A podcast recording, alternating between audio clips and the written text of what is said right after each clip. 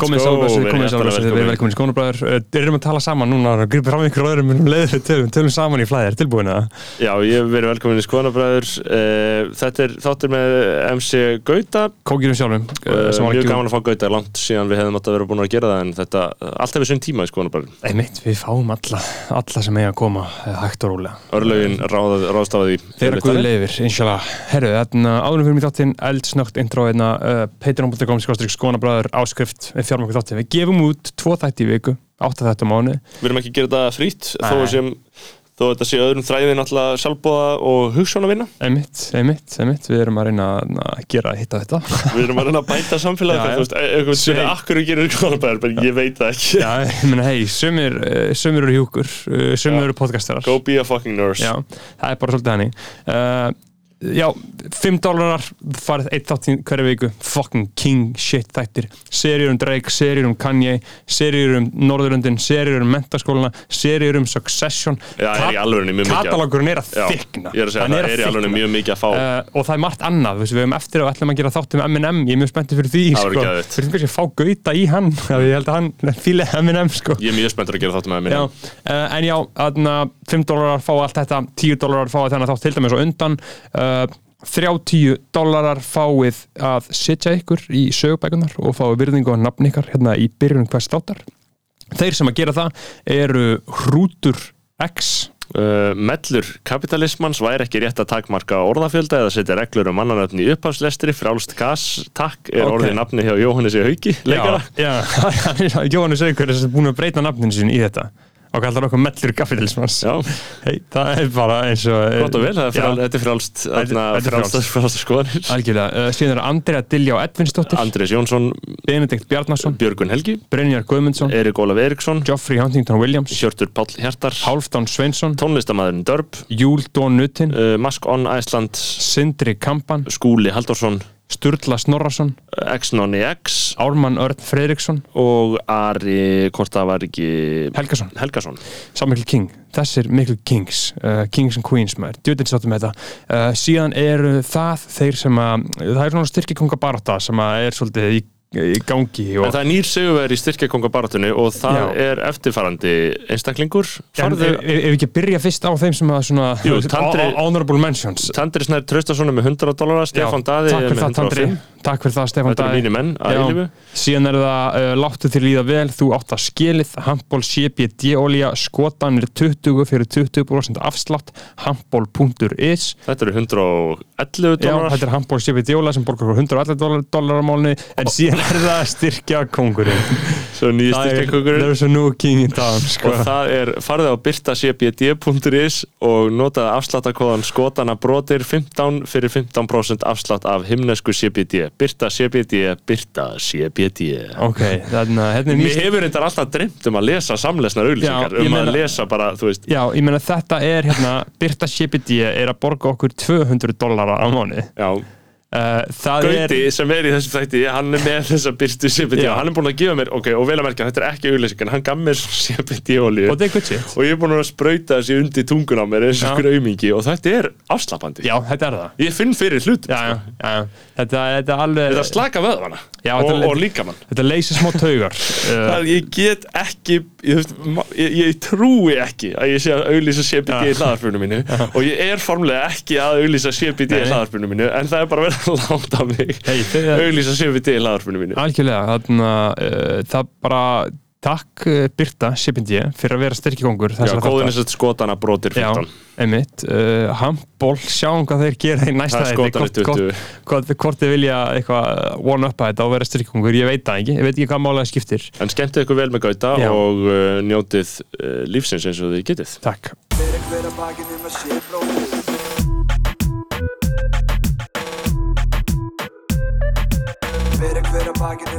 bróðir Fyrir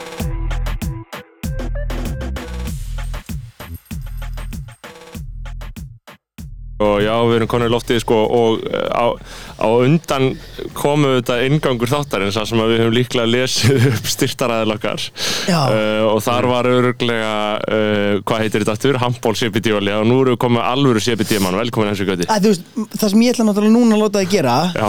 er að ég fer núna og borga meira Já. en þeir og þú ætlar að pípa út nafnið núna, Já. ándjóks og ég borga meira Já. þannig að það verður ekkert annað CBD í þessu þætti sko. nei. Já, ég, þetta er bara þannig CBD-slottið, sko CBD bransin er svolítið cutthroat, það ekki? Jú, ég menn þetta er hérna, ég held að sé bara svona dót sem að fólk er svona smá saman að að átta sig á að sé helgi snilt þetta sé 2017 sem að bandaríkinn fatt að sé, sé snilt Já.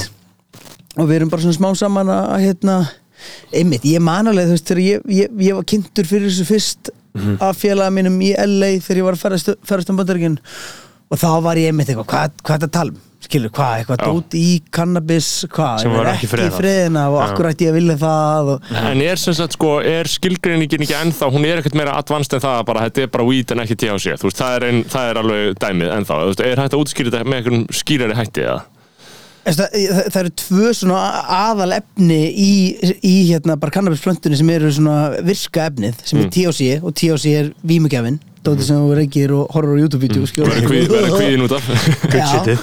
Og hérna og síðan ertu með, með CBD á móti sko, og hérna einhverstaðar, einhverstaðar las ég að THC væri uppar og CBD-in væri, þetta væri svona þessi já. virkar að perfect saman og hérna og auðvitað í, í, í einhverjum tilfellum uh, til dæmis við, þegar fólk er að nota gegn verkjum hérna þegar kannski krabbmeins meðferðum með eitthvað svoleiðis þá getur verið fínt að nota bara the, the real stuff, skilur eða lif sem eru framleitt úr og, og með THC líka en hérna, en fyrir svona almennan notandan og hérna, og það er bara umræða sem við tökum einhvern tíma setna og hérna, ein- eins og staðan er, erum við bara Já, veist, ég, já, ég meina ég, ég hef mína skoðanir á, á THC og, og hassreikingum og, og forræðis ekki sko, Já, já. En, en ég bara er ekki að taka þann slag. Nei, en bara- hvort, hvort, hvort finnst þér uh, skadara fyrir ungar kallmenn uh, að drekka mikið áfengi eða ekki mikið gras?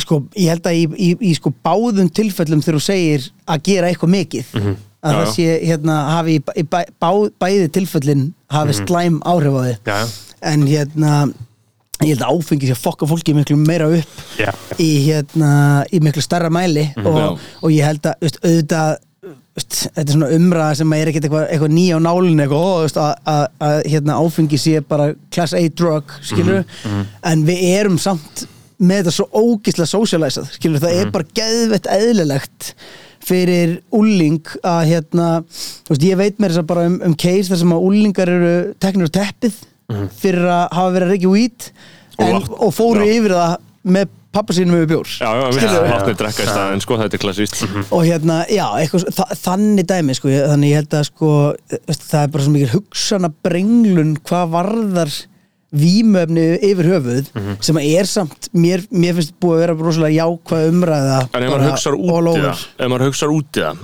um, ef ég ætti svon, Uh-huh. þá væri ég róleri ef hann væri byrjar að drekka eitthvað í tíundabekk en ef hann væri að smóka. Já, en ég get líka sagt þér út af hverju það er að því að, því að, að, því að það er socialist Já. normaliserað að drekka þá er líklegra að ef hann er að drekka að það sé í einhverjum venjulegum aðstæðum Já, en ef hann farin að smóka eða gera eitthvað annað þá er líklegra að hann sé í einhverjum jáðar hóp Já. En ef þetta væri meira veist, og, og nú er ég ekkert að tala fyrir eitthvað mér finnist að fólk að Nei. reykja meira kannabisefni Nei. en ég bara skil ekki ég, ég skil ekki forræðisekjuna í því að leifa áfengi og, og banna kannabisefni ég, hérna, og ég skil ekki af hverju við erum ekki að framlega mm, bara trilljónis Já. En- með Uh, til dæmis yðnaðarhamt framleyslu og Já, er sem þetta getur verið major export fyrir Ísland Það, já, léttilega. og við getum framleitt að við, með, við íslenskar aðstæðum mjög vel, sko. Já. Getum framleitt bara besta skunki í Európu, þeir eru meira þess að selja íslenskan vodka með einhverju svona, it's, svona filtered through lava eins og Já. þetta sé ekki bara ja, mikill fokkin viðbjöður skilur Já, já að hérna, við getum einmitt aðeins bæki Afsakið þetta hlustundur, við erum hérna aftur komin í lofti hvað voru að tala um? Voru, uh, Við vorum að tala Gras. um möguleikan á því sko að, að, að flytja út kannabisefni. Já, sko, en það sem, að því maður segir, sko, já, ég skil ekki þess að forræðis ekki og ég tengi það. Og ég skil innilega ekki, þú veist, ég skil bókstall ekki þarna, af hverju, eða svona, ég sé bara ekki, ég er ekki, ég er ekki nóg pólitísk glöggur og ég, mér líður eins og ég hafi bara ekki insýn í að sjá hvaða, hvaða struktúrar það eru í íslensku valdakerfi sem virkilega vilja ekki að kannabis er löglegt, skilur hvað við, að því ég bara fatt ekki hver ætti að vilja það, sko. Þú- Við erum að tala um það líka fólk sem er að tala bara eitthvað læknir í vinstri grænu sem var að tala á móti CBD Af það er nú bara ekki búið að sanna Já, nógu mikið þetta sé, maður er bara, jú, það er bara búið að sanna það bara ógeðslega fokkin mikið. Og hérna og bara hvað hva, hérna og ég, úst, eins og með CBD, þetta er, ég myndi aldrei úst, og sérstaklega þegar fólk getur til þess að kaupa þetta af okkur, úst, mér líður ennþá eins og ég sé stundum að selja snákóli. Að því að Auðvitað hefur svona ný fyrir, hafa ný fyrirbæri á sér slíkt yfirbræð stundum Já, líka bara, þú veist, að því fólk er að, spurja sko, ég meina, hvað gerir þetta? Og, og, og við hverju er þetta? Og svari er næstu því við öllu að, þú veist, sem er hérna en ég segi líka að fólk, þetta henda fyrir suma er þetta algjör snild og fyrir suma er þetta engin snild Get, get, ekki, get ekki prófa að, Jú. að fá mér þetta einhvern Jú. veginn Hvað hva gerir maður? Þetta Ég hef er einhvern veginn að hérna- fengið eitthvað smá hjá þér bæki Já. Úr einhverju svona dildó sem þú varst með eitthvað CBD dildó Já, ég meina, ég held að það hefði bara verið frá Gauta sko. Er það ég, ég, ég held það, sko Sko, þetta er, þetta er sem sagt Ósk, Birta, CBD Þetta er 25% full spektrum Þetta er húðólja tvö- Þið þurfið að kalla þetta húðólju Já, en við reyndar var að fá frá umhverfstofnun bara sko í gæri eitthvað, það voru að banna okkur að kalla þetta húðolíu. Já. og hérna, og við þurfum að kalla þetta, við, þetta er sérst skráð uh, munnskólsólja Já. Ok. Og við þurfum að breyta því núna í munnskólsólja Ég hef náttúrulega heyrt um einhverja konga að setja þetta út að hafragrauti sinn sko. Æjó, getur gert það, skilju En ég, besta, besta tungun og tvær myndur og Ok, og hvað, þú veist ok, ég tek bara svona smá drópa Ok, Sé- taka svona fimm dropa og hérna, þannig ég set 5 drópa undir tunguna. Já.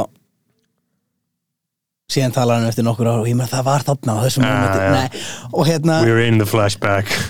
Og ég, sko, ég upprunnilega kynnist þessu uh, ég, einmitt, hitti félaga minn sem að sem að sem að er í því hræðilega hostæl umhverfi að vera leikari í LA og hérna og hann er að reykja hann er eitthvað gaurskilur og hann samt að reykja eitthvað CBD penna. Og ég vel af hverju, hvað er þetta, þú veist? Hvað er þetta? Já. hann eitthvað, ja, þetta er, úst, hjálpa mér að slaka á. Og ég alveg, hvað menur, er þetta er þetta weed eða hann bara, nei, þetta er CBD og ég er, CBD, hvað er fokkunum CBD og, úst, og kynnist þessu þannig og testa þetta sjálfur og finn virknina af þessu og eh, hérna, ekki þú verið að taka þetta. Þetta, þetta hefur bara svona slakandi áhrif á tögkerfið þér og hérna og ástæðan fyrir, veist, þetta er ekkit eitthvað þegar fólk er eitthvað, virkar, virkar þetta ekki að kvíða? Og ég er, veist, ég er ekki að fara að taka burtu childhood trauma þitt, þetta er ekki eins og EMD, hvað heitir það? EMDR, já. meðferð, þetta er Nei. eitthvað þú gleymir ekki einhverjum fræðilegum hlutum en það hjálpa bara kerfinu lí, líkamlega stressi sem maður er búin að búa til í kjölfarið og maður verður ekstra kvíðin og getur verið með bara hérna verið með vöðvabólgu og út frá því verið kvíðin og þetta hjálpa bara, þetta hefur bara slakandi áhrif á tögkerfið og þar leðandi hefur þetta áhrif á alls konar dót gikt, flóaveiki, þetta getur haft verkastillindi áhrif, þetta getur haft áhrif á Já. kvíða og hérna en eins og ég segi, þetta getur haft rosalega mismunandi áhrif og, og, og í sömum tilfellum virkar þetta brjálaðslega vel við verkjum og stundum bara næri þetta ekki Þangað. í testi sko. Einmitt. en, en allavega worth, worth the try sko. Já, Já, ég að ég ég finn alveg fyrir svona einhverjur og einhverjum eða ekki, á ég ekki að vera að byrja þar að finna eitthvað? Já, ég sko, þetta er eiginlega ekki eins og hérna, eins og þú verður reykja Nei, og þú verður bara strax nei. Þú veist, þá ertu bara, þú bara tekur smókin og síðan býður smástund þú ert um friðin þetta, er, þetta hefur aðeins lúmskar áhrif um, Ég held, ég held að ég sé aðeins rólega Já, ég bara, og síðan er sko síðan taka spurninga við bara hvað er placebo-effekti og, en ég til dæmis, ég fundi svona bein áhrif til dæmis ef mér hefur verið óglatt Já. og ég hef tekið þetta og hætti að vera óglatt kortir sinna mm veist, Ok. og, en síðan er bara fullt að er náttúrulega liði rosalega svona uh, heilandi dæmi, þú veist, þetta læknar svona, þú veist, þú getur læknar hausverk og eitthvað svona basic heimskulega kvilla, skilu, þá þetta róar allt, skilu já, já, og ég, ég tek þetta einmitt bara ef ég er ef ég er veikur, þá tek ég CBD ég tek CBD alla daga og hérna reyndar í náttúrulega þeirri kannski forréttinda stöðu að þetta, fá þetta beint á kunni, skilur Já, já. Þetta, er, þetta er líka dýrt. Já, þetta er heldur dýrt, eða ekki? Þetta er, þetta er dýrt miða við hérna Væri, væri ekki hægt að lækka kostnaðin verulega ef það væri 100%. virkilega verið að framlega þetta? Ef þetta væri ekki veist, ástæðan fyrir því sko, það, það er einn doktor með okkur í, í krúinu, doktor í líftækni eða eitthvað, ég man ekki eins og hvað hann gerir. Og hann, hann hérna heitir Ingo og vinnur við að rækta örþörunga og búið til er bara- doktor, já, og maður er bara, hm, ok. Maður, ég hlust alltaf á hann og hann sko segir mér að ástæðan fyrir því að, að það megi ekki ekstra, það má svo framleiðina ramp, mátt rækta hann en ástæðan fyrir að megi ekki ekstrakta CBD úr því er að því að uh, CBD er notað í einhverju skráðu lifi á Íslandi og það má ekki selja eitthvað sem fæðubótarefni ef það er í lifi fyrir. Þetta er eitthvað galli í kerfinu sko. en hérna Ok, en annars sí- gætu við verið að mökka, mökk framlega þetta hér bara í gegnum hamp, bara með því Já, og ég held að það sé bara tímaspörsmál ég meina það er komin einhver starfshópur í kringum, í kringum CBD Já, sem að já, já, Kristján Þór Júlíusson. Já, Er- hann skipaði ekki rétt Jú, jú, jú, jú Kri- kri- Sjárótis ráð Já, eða sko allan um sko kosti hamps eða eitthvað þannig, þetta er eitthvað Já. svona old school Ég held að starfshópur. Haldur Móðsson hafi verið fyrst að Já. tala, tala og Mhm. allavega svo ég hafi séð síðan var Þorger Katrín að, hérna, að tjá sig eitthvað um þetta. Þetta er alltaf easy mál. Þetta, e, veistu, veistu hvað, þetta er svo já, nema fyrir einhverjum lækni í Vafgi sem er bara, þetta er ekki, ekki búið sann þetta sé ekki Já. en hérna Æ, veist, eins og ég segi, þetta er tímaspörsmál þetta, þetta líka sko klessir á eitthvað svona hvað segir maður, samkeppnislög. Þú, þú, þú, að því þú mátt kaupa CBD auðan en þú mátt ekki framleiða það á Íslandi og þá er verið að mismuna framleiðendum á Íslandi. Já. eitthvað svona bla. Og hérna, hvort það hefur verið samkeppnis eh, hvað heitir það? Eftirliti eftirliti sem var eitthvað spá í þessu. Hérna, en eins og ég segi, tímaspursmál hvenar, hvenar við föttum þetta og fyrsta manneskjan sem átta sig á því að þetta sé snild fyrsti miljónamæringur sem leggur Já. 100 mils eða eitthvað sem tekur í að búa til Eitthvað. bara, úst, gróðurhúsið og extract station Já. bara, uff, Money Já. please bara, Money. ég, má ég fá bara hálft prósent í því Já, fyrirtæki, já, sko. fáum halla gæjan í málið sko Já. án gríns og hérna Hann og væri ein- öruglega til það nú er ég ekki að tala múti, veist, ég vil ekki tala niður en lif heldur en auðvitað ef að fólk getur farið mm ef þetta hefur verkistendil áhrif á þig í einhverju ferli, einhverju umulugu ferli mm Já. eða getur hjálpað þér að þú getur farið einhvers konar náttúrulegri leið og, hérna, og tekið eitthvað sem að fokkar ekki líka manum að upp þá auðvitað myndum að freka kjósa sér það? Já, af því að þú veist, þetta er uh, svolítið pælingi með þessu er bara stress is the real killer, eða ekki? Og þetta minkar stress og þar að leiðandi minkar allt eitt shiti djöfull er maður, djöfull er hérna ég held að við séum sko pjú, við erum öll orðin svo ógísla stressuð Já, bara við erum því. orðið rosalega stressuð. Það er bara því að við erum beintengt alltaf. Já, er það málið? Er það að- að því að hvað er hver er ástand? Við erum rosalega stressuð hvenar koma samfélagsmiðlar upp? Og ég er ekki að tala um fucking MySpace skilur, ég er að tala um bara hvenar byrjum við að vera konstant tengd? 2014-15 Já, 2014 ok, hvenar byrja öll þessi burnout í starfi? Já, það, er- hvenar heyrður þau fyrst um burnout í starfi nema bara eitthvað svona einn og einn? Já, einhver einn og einn sem svona alvöru gekk fram að sér. Núna Já. er fólk sem Já. er ekkert svona augljóslega alvöru að ganga fram að sér samt að burna át Já, já, bara eitthvað fólk sem vinnur á einhverju skrifstofu bara í einhverju tryggingafyrirtæki. Já, það er bara, kunna. já, hún sko, Guðrún fólk er bara farin. situr bara, mætir í vinnuna Já, og fær bara, það bara að upp. stífna og síðan er það bara herðið það þarf bara senda hann í hálsás leifi mm já, bara, bara fara með henni hver að gera og ég, á hæli. Á, á gríns. Já, ég, mér finnst það alveg, það trúverðu kenning að þetta sé að einhver leiti tengt þessu en þessu sko, þessi sítenging og við náttúrulega höfum eitt miklu púðri en það er langt sem við um tekið það, er gott mjög, rátt það, það er mjög langt sem við höfum rætt samfélagsmiðla. Já, það er langt sem við tekið þurfum gott það í, skoðanabræðurum og, og, og sérstaklega líka í, því- sem að gerast þetta í gær sko. þetta er algjört wake up call að bara þú veist, ímyndið ykkur það að sko Facebook og Instagram fóru niður og það eina sem allir gerðu var að fara á Twitter að tala um að Facebook og Instagram væru niður Já, en ég meiri þess að var í sko þeirri stöðu að hérna sko, all, ég man ekki, það er svona þrjár, fjóra vikur síðan ég var var einhverju vesenni með svona two-factor authentication inn á Twitteri mitt. Þannig ég ítt alltaf aftur og aftur og aftur að reyna að fá út kóða sendan sem kom ekki. Og það endaði með að bara Twitter-akkántunum mínum var bara, bara suspended. Já. og ef ég ít á suspended þá stendur bara eitthvað terrorism eða eitthvað svona Já. og þú veist, það er bara að hafa haldið að ég væri hakkari og ég, ég veit ekki, eitthvað. Og síðan er ég að reyna að senda Twitter einhver skilabóð eitthvað herðið, má ég please fá akkántum minn aftur? Og þetta er eins og að skrifa bref og bara svona lauma ég bara út um gluggan heima Já, já. já, og vona bara að Þetta er í alveg eins og að setja flösku skeiti bara. Já, bara henda út í hafið og síðan bara, þú veist. Va, va, ert, varst þú með blue checkmark á Twitter? Ertu með Nei, nei. Heyrðu, að, sko, það eru mjög fáir íslendingar sem eru með það. Það er svo bara, bara einhver gerpur vafki sem Já, eru já. blue checkmark inn, inn á Twitter þá. Já, það er engin Já. íslendingar sem fá þetta. Þegar þú þurfur að vera starfsmæður stjórnmálaflokks eða Þetta er sko, eins og Instagram þá hérna færði, þú veist, eða úr til dæmis ferði ekki Sony, þá Mhm. ertu með svona che- checka, checka mark sko. Já. en með það er lið sem bara með 500 followers og búið að gefa út eitt lag sem er með svona dót og ég, já, já, ég já. er bara búin að gefa út sex plötur og þau Já, vil ekki gefa mér Nei, það já, ég mitt þetta, þetta, þetta er bara corporate plug sko. Já. Þú veist, þetta, er, þetta er bara í Sony sko, eins og ég, En- ég, ég var vinni á Sony og það er bara deilt já, já. Hvað, Ég myndi hva, að- hva, hvaðan kemur þessi háa hérna? Er ekki bara einhver að hlusta tónlist frammi eða eitthvað? Eða hvað? Eða bara Er einhver þetta svo fram á úti? götu? Er þetta kannski kongurinn á hjólinu það? Já, hafið hitt hann Ef að tjekka, að á því Já, og bækið með tjekka Ég held að þetta sé kongurinn á hjólinu sko eða hvað nema bara heimur og sé að enda eða eitthvað Mér finnst það góð, góð sena, ég vil ekki slakka á þessu sko Já, Hvað já, hvað er að fair gera enough. þannig bæki? Sko, ef þetta er eitthvað frammi þá er það ógeðslega skrítið, eða ekki? Er þetta frammi? Já, já, þetta er bara, hérna En Þetta er one-on-one one-on-one gang gang sko, Í heyrðu, einhverju- einhverju... mér finnst að CBD þetta er að hitta vel sko Ég er ekki að djóka sko, mér líður bara mjög vel á þessu.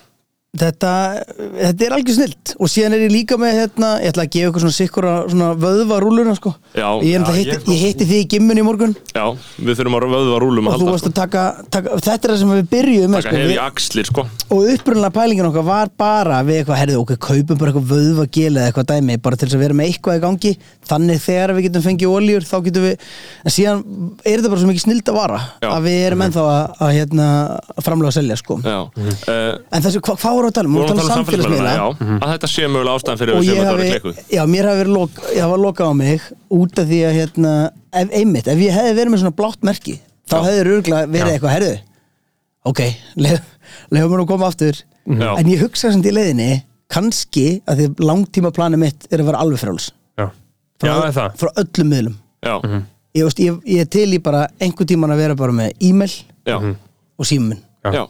En, og ég held Og- að þetta og- hafi og verið er bara þetta heimurinn raunhæft, kannski eða? að lefa mér Já. að Eitt, kannski- eitt farið, eitt tvö farið, eftir eitt farið, já, það, að því Já. þetta er þessi, þessi mér langar ekki að kalla þetta heilugu þrenninguna. Veist, Ja, er ekki þú eitthvað öfugt en þú veist hvað ég meina. Jú, an- anstæðan við það, já. Já, það er Instagram, Facebook Instagram, Facebook og Twitter. Trena Satans.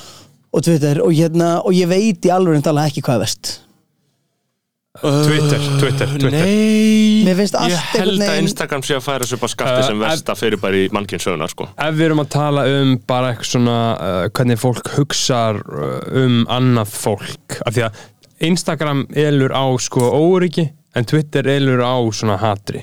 Sk- Skiljið hvað ég meina? Ertu, já, meinar að, að Instagram þá ertu meira að fókusa á sjálfa þig og reyna að púla okkar ímynda sjálfa þig Twitter þá er samt- að rífa einhvern annan niður sko. ég samt sko, ég var hérna áður en að þeir tóku á mér Twitter-akkántiðin þá var ég sko búin að unfollow alla Mhm. og síðan gerði ég svona leynilista sem að heiti bara lauman eða eitthvað Einmitt. og þar, þá fæ ég aldrei eitthvað svona þessi gaur lækaði þetta þá sé Já. ég bara það sem að liðpostar Mhm. og ég var bara að followa veist, ég var bara búin að gera þetta mjög Vandlega bara skemmtilegt sko Já, Ok. sko það er Æja, náttúrulega skemmtilegt og ekki skemmtilegt Ah, síðan, veist. síðan kemur eitthvað hérna, æ, þú veist mér finnst bara, mér fannst þetta skemmtilegt upp á að, reyna að vera fyndin mm skilur að hérna Sko vandi í þessu líka er að veist, þessi fyrirtæki hafa ekkert markminn nema að halda okkur eins mikið í þessu og við getum verið. Og það sem þau hafa gert er að þau sko breyta þessu úr uh, því að maður sé að fylgjast með fólki sem maður hefur gaman að sem er gott, það er bara það var heilbritt konsept þegar við gátum verið að gera það. Bara, heyrðu, það er svolítið áhugavert að þessi viðkomandi aðili geti gert þessi sniðu myndbönd þar sem hann er að segja frá þessu á netinu bara, þetta er þægilegt og aðgengilegt. Og svo bara, þú veist, er það í gangi? En svo bara, nei, við viljum meira, við ætlum að hafa það þannig að þú bara, alltaf þú opnar forritið, þá er eitthvað nýtt og ferskt sem er sniðið að þér þannig að þú ert bara alltaf að opna það. Og þess vegna fáum við, þú veist, bara þetta, hvað, fjórir viniðinni lækuðu eitthvað tweet hjá einhver gerpi sem þú vilt ekkert með að hafa, skilur Já, þetta, það, mér, mér fannst það óþjólandi parturinn að ég var svona sökk alltaf inn í eitthvað það er svona eins og Facebook veggurinn er. Já, þú veist ekkert hvaðan hlutinir koma, bara Facebook veggurinn er bara eitthvað og um daginn, þú veist, þetta er svo ókesslega fyndið, bara um daginn sá ég einhverja auglýsingu á Facebook sem ég reyndar ítt á sko, sem voru einhver svona svona eldri menn í geðið þröngum göllum og ég ítt á það og núna er bara all, allur algoritmi minn er bara núna heldur að ég vilji bara eldri menn Já, já. í svona Já. þröngum með einhverju göllum sko. En sko, ok og, og þetta er svo, svo, svo meingallaður algoritmi á Facebook hvað ég, að því að ég er aldrei að skrolla og er bara, næs, þetta. Samt er ég er að fucking hæta lið daglega, að því að einu munið þegar Facebook kom, þá reyndi maður bara eins og maður gat að eignast sem flesta Já. vini. Já, og hérna, og núna nota ég oft sem viðmið bara, ég er svona, ég opna spjallið, messenger. Ef ég hef ekki sendt þér skilabóð síðustu þrjú árin þá þá máttu fjúka, Já, skilur, þá já, höfum við ekkert að gera þarna saman. Nei, En Baggi, þú náttúrulega hefur Er, er, er, er síðan eitthvað þú hættir á Twitter? Jú, ég hætti á Twitter hann, Og þú ert alltaf að tala um þetta svo slæmt umhverju júli, já að, að því að, þú veist, að maður ætlar að tjá sig skilur, ég hugsa þetta bara um hvað ég ætla að gera þarna skilur, þú veist, ég nenni ekki að vera að skoða ég nenni ekki að tími í það að skoða eitthvað shit sko. ég ætla að vera þarna og þegar að vera að skrifa eitthvað eða gera eitthvað, sko uh, og ég hugsaði bara að það er best að tjá sig í podcasti, það sem engi getur svarað er og eða á Instagram story, það sem að fólk getur svarað er en Einkanlega. þá, þá engalega þú getur ekki ofinberlega reynda að óna mig skilur Ertu, þú, þú með, já, ég, Skil- skil ég hvað ég ein- meina? eins og bara, þú veist, þegar ég setti til dæmis inn þarna Reykjöp fyrra tvítið, sko já. Já, áður en að margir föttu að vera grín Mhm. og hvað, hvað, hvað var það aftur? þannig að eitthvað eh, Var ekki að að skíturnar ykkar Já, og þú veist, og ég set það út og síðan man ég ekki hvað ég fór að gera þú veist, fór í búðina eða eitthvað Mhm. og kom tilbaka og ógeðslega mikið, þú veist, ég sé hvert einasta svar og Mhm. flest var haha, en ógeðslega mikið liðið var bara að segja mér að ég þetta fokkin skít, skilur Já, og sama hversu mikið maður reynir að- þykjast að þetta sé bara haha einmitt. Maður tekur þetta kottan sko. Já, er Já, og maður sko það er ekki flókið að fá mannesku til að hugsa sinn gang og það er óþólandi að fólk fær mann til að hugsa sinn gang. Já, ég nenni ekki að hugsa það. gang. Ég þóli ekki því ég þarf í alveg að vera því þú veist, ég er alltaf að skrifa eitthvað ég er alltaf eitthvað að gefa út og það er svo oft eitthvað sem getur trubla alls konar fólk og þú veist, í setni tíð er maður auðvitað bara mjög brinjaður eru þið með búin að losna við podcast kvíðan Já, Já, já, já. ég held að þetta er já. orðið svo ógeðslega mikið og þú Fullkomlega görd, ég er alltaf Output er svo mikið, skilur en það er nefnilega máli ég, veist, það sem að, ég held að það sem að mér fannst að því að Twitter er þú veist texti og þú ert að tjá þig en þú getur bara að tjá þig x mikið veist, í einhverju stafabili Já. og, og það er oft einhvern veginn þú þarfst að tróða svo miklu inn í svo stuttan ramma að oft skila sér ekki það sem að maður er að segja skilur.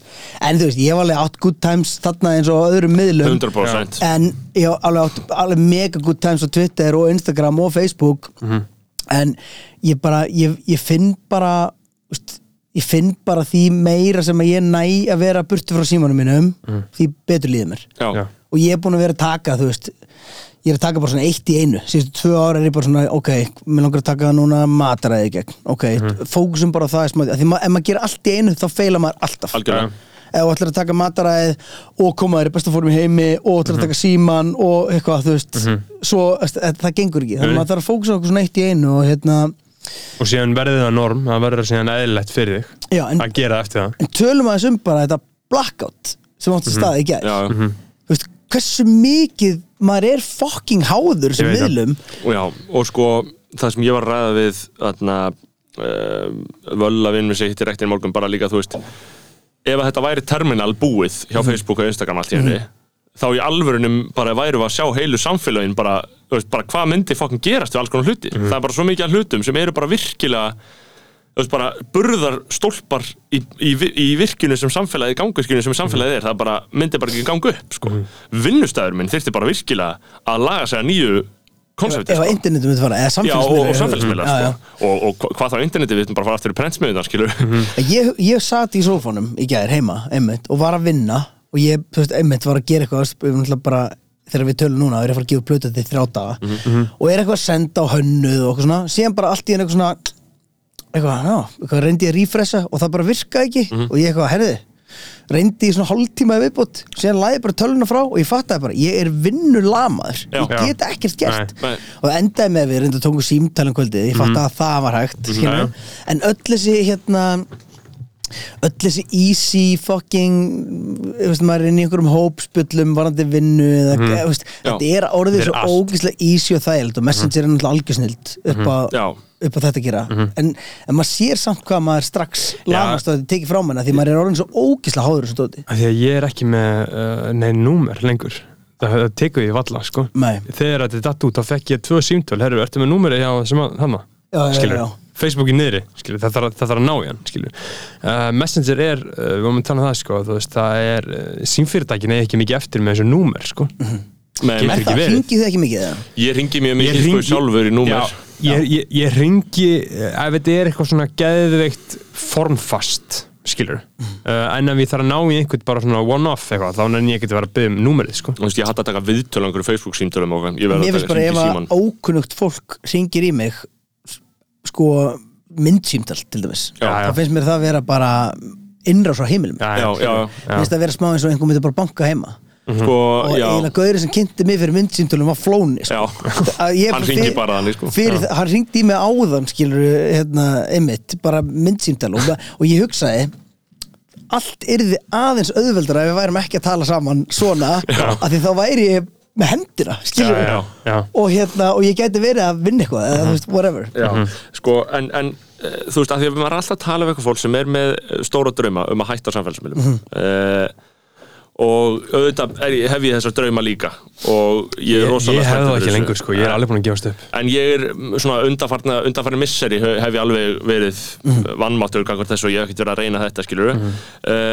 Og, en þú veist en, en er þetta raunhæft? Er þetta að fara að geta þetta eða er þetta bara eitthvað sem maður segir svona að maður vilji gera? Ég held að þessi raunhæft að stjórna aðeins hvernig maður lætur tæki stjórna sér. Og þá er ég ekki að tala um veist, auðvitað maður háður í að senda skilaboð og allt þetta bla bla bla.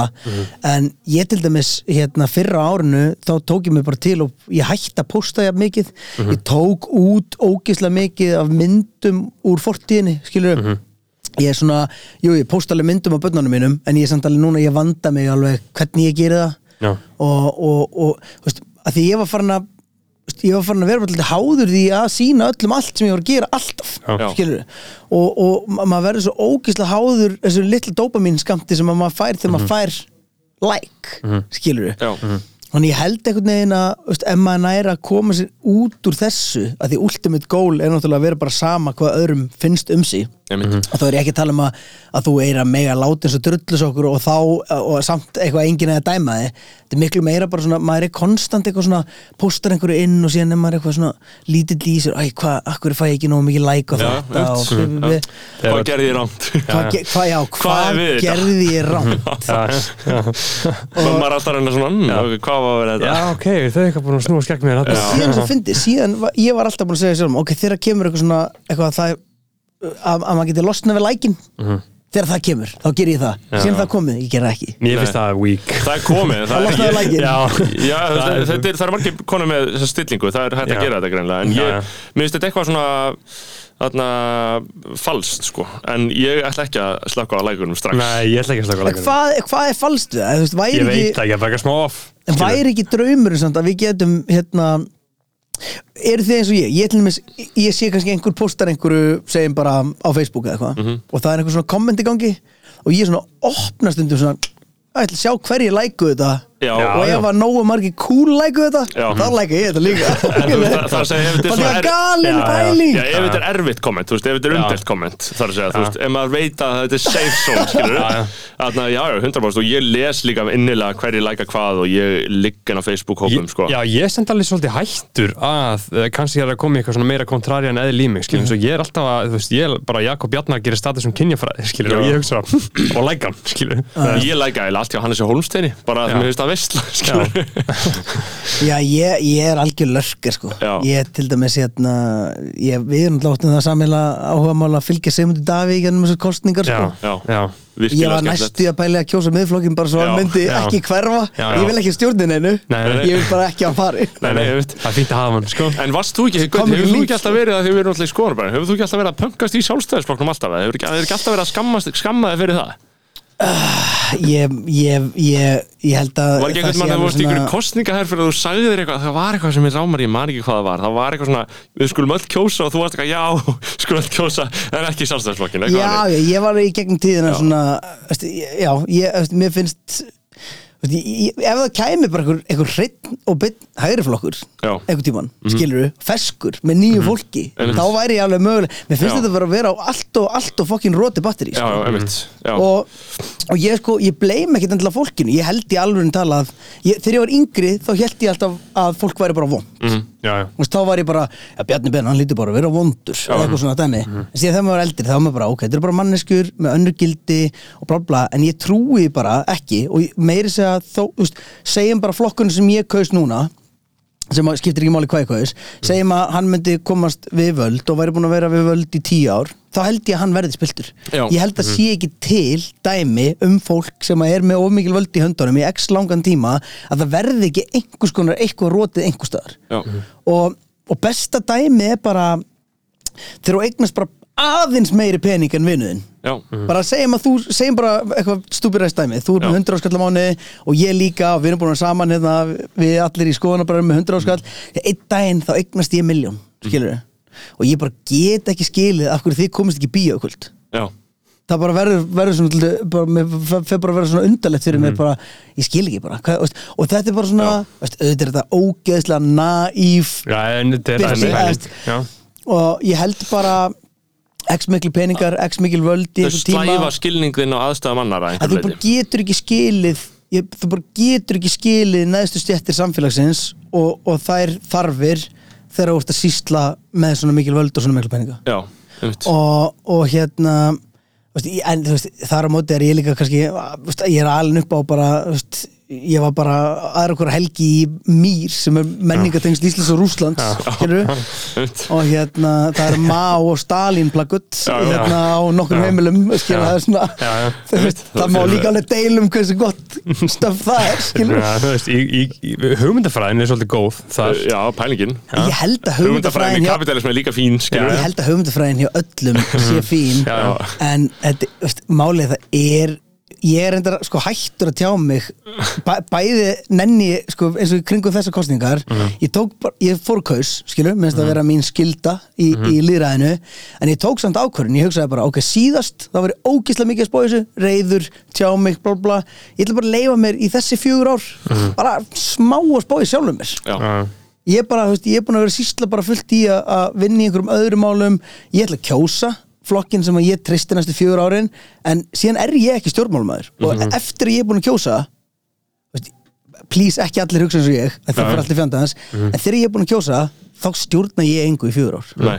skilur og síðan reyni ég eftir fjögur ár aftur að gera mér besta í að að leggja völdin í hendunar á einhverjum sem ég tristi Þú veist, það eru svona tvær hliðar á þessu. Annarkort er þetta, þú veist, að þessi ástæð Ég tengi mikið við hana. Annarkort er þetta, þú veist, mjög slæmt að gera þetta og hugsa svona Eða þá er þetta bara heilbreiða leiðin, skilur hvað ég, ég bara, ég er spáð, þú veist, er ekki er, er ekki pínu íslenskt fyrirbæri? Oh, þetta er svo íslenskt að segja þetta samt. Já, Íslands að segja, já, að íslenskt fyrirbæri, mm -hmm. veist hvað það er um? Smá, smá Við erum alltaf að segja allt sem sér, sér íslenskt, sko, það er ekkert af þessu Hérna- sér íslenskt En það er ekki það sem sér íslenskt en það sem ég er að spá í, þú veist, eru allir í heiminum alltaf að spá í öllu, allstaðar já, þurfum við þarf ég, þarf ég að vera geðvitt informaður í hvert einasta skref sem pólitíkus að taka á Íslandi. Nei, og svo er það náttúrulega líka annar punktur sem hefur komið fram að við, veist, það er oft svona krafa í stjórnmálum í Íslandi það koma fram flokkar og þeir eru krafiður um stefnu í hverjum einasta fucking málaflokki sem hefur nokkurn veginn bara orðið til á jörðinni. Þú veist, það er ekki þannig sem þingi þarf að virka sko. Veist, þetta þurfa ekki að vera flokkar sem eru bara eitthvað svona uh, all encompassing svona, þú veist, hildar mekanismar heldur hvað þetta bara getur þetta bara verið svona einsmáls flokkar sem eru bara með ákveðna stefnu og þú bara, þú ekki að hitt verði breyt, veist, muni valda breytingum þannig að bara kýst þetta, eitthvað random shit, skilur og ég held að það sé það sem muni ná fólki á endanum þegar eitthvað mun breytast í þessu stjórnbónu það er svo mikil stöðun, skilur, þú veist, það er bara við erum bara eitthvað að kjósa eitthvað og svo kemur bara rí- sama ríkistjórn ég held að það verði þegar það komi eitthvað sem er bara að segja eitthvað crazy. En er ekki alltaf, mun ekki alltaf vera veist, þessi stjórnar andstaða og stemming, skilur Jú. við það, sama hvað myndi gerast þó að þú myndi ná bara bara eins mikill sátt og mögulegt væri í mannkynnsögunni, væri alltaf eitthvað svona, nei, eitthvað. Já, ég meina, Nei, ég- þetta Já, gengur ekki. ég, ég, ég, já. get ekki séð fyrir mér að uh, elska einhvern flokk ógeðslega mikið og síðan kemst hann til valda og verður bara sjálfstæðisflokkun og halda bara áfram að elska hann Uh, Jú, uh, uh, jú, jú, þú myndir gera það sko. Ég held að við myndum gera það Mér sjálf finnst öll, sko. það eiginlega vera að, við, við, við, sko, mér finnst vandamálið eins og ég horfi á sko, svona, þessa, þessa flokkshilli er að þú ert partur af einhverju flokk og þú síðan kemur upp eitthvað mál bara það sem einhver er að hata útlendinga skilur, og þú mátt ekki tjá þig um það því þú ert inn í flokknum sem að er með, það er einhver annar inn í flokknum Já. skoðun, en þú getur ekki tjá þig um það að því þá ert að fara á móti flokknum og Já. það er vandamálið við að við séum að skipta okkur upp í einhverja fylkingar í staðin fyrir þessa, þessa veist, þetta sem ég hef reyndar enga fokkin lausn á sem er bara please, get, akkur getum við ekki valið lið? Akkur getum við ekki valið fólk? Já, en þess- það er líka það er einhver ástæða baka en bara, þú Já, veist, en það það er er einhver en, en hún er samt örgulega bara heimskuleg sko, ástæðan. Bara stupid shit eins og okkur er bannað. Já. þetta þetta er bótið Já, bara já, sama, já. einhver svona kerfis En á, sko það sem ég hugsa um er að uh, þú veist, þegar við erum að ræða öll þessi mál og við erum alltaf, þú veist, þetta er bara búið að vera veist, ástæðan líka fyrir því að held að maður að held að gerist það sem að þú ert að lýsa Gauti, að maður svona hugsa bara, jæja, ég meina, ég ætla að fara að kjósa en svo bara er ég bara rólegur gagvart þessu. Er að við erum búin að vera að fylgjast með umræðinni uh, ekkert sérlega lengi og það er líka bara til maksum þetta allt saman að ég er ekkert búin að fylgjast með umræðinu eitthvað sérlega lengi, ég er bara 24 ára og þú veist, uh, kannski svona 10 ár síðan ég komst til bara vits og ára, þannig gæti bara átta mig á því hver segi, var að segja hvað. Og bara á samfélagsmiðlum og í umræðinu og bara í vina fólk og þetta endur tekur svo mikið. Þetta er bara sama dæmið alltaf, skilur, þetta er bara sama lúpan ok, og svo er eitthvað svona flóttamannfjölskylda og síðan eitthvað, hei, þá er reyka þessi. Og svona, hm, hvað gerir ráð þeirra? Hm, hann reykur þið ekki, flott. Verðum að breyta bara- skilur ég, þetta er ég, svo, og bara, endan hugsa maður bara, ó, þetta- hverju, hverju er þetta alltaf að fara að breyta, skilur ég, veist, mér, finnst þetta ég, veist, já, bara svona gr- grunnpólitíska pælingin sem að mér finnst alltaf heillandi er bara please sjáum um þá sem minna með sín og síðan með fyrir græða pening eftir það. Já, að hérna, veist, sem er Já, bara já. mér finnst allir ætti að hugsa svona og mér finnst ef þú hugsar ekki svona þá finnst mér þú að vera fucking asshole. Já, já, þú mér finnst bara ef þú hefur ekki samúð fyrir öðru fólki, mm. skilur ef þú ert bara, já, ég maður sumi verða bara undir í kjörinu og ég gerir mér alveg grein fyrir að sumi verða undir í kjörinu en ef þér er bara alveg sam um það þá finnst mér bara að vera fucking asshole. Já, þá finnst mér bara með að fokka skilur já, já, já, ég meina ef þið finnst í alveg talað að við hefum ekki að taka meira móti fleiri flótafólki, þá finnst mér bara með að fokka þér já, já, kona ég- mín flóttamæður já, já, ég meina, ég vil hún er grunnskólakernar í, menn- í, í meðlaskóla ekki fara að fokkin tala við mig um hvað hva slæmi afleðingar það hefur á menningu. Og hvert framlega hennar er til samfélagsins, skilur, eins og það sé ekki verulegt, skilur Já, alltaf verið að tala um eitthvað svona já, það kostar sem, veistu hvað, hún er búin að borga ógeðslega mikið af sköttum og, og gefa mikið tilbaka í samfélagið. Já, og gera það ríkara bara. og þó að mamma hennar og pappi tala ekki flúent hérna, rétta málfræði skilur Mhm, þá bara, veist, er meina, við, það þarf líka að vera einhver fórnarkostnaður skilur já, já, já, á ég kalli þetta ekki eins og fórnarkostnað þetta er bara, æ, það er aðeins óþægilega að við getum ekki talað Já. nákvæmlega pjúra út. Og smá kerfisvesen eitthvað en þú veist, við, við getum og við munum þurfa taka á móti miljónum flottumann ég er bara bent á það bent á þessi staðrind sem að enginn er að ræða.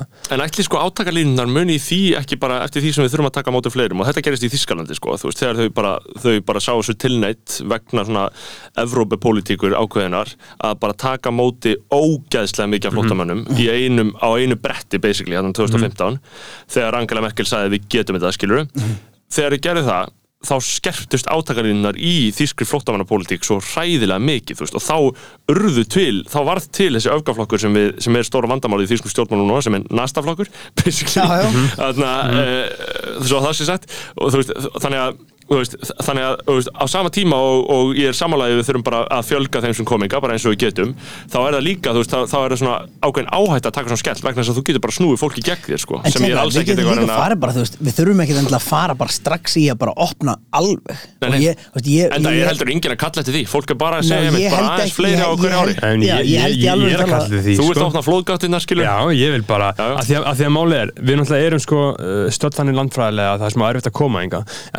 Evrópu og í öllum þessu löndum. Fólk Já, er að fara að koma.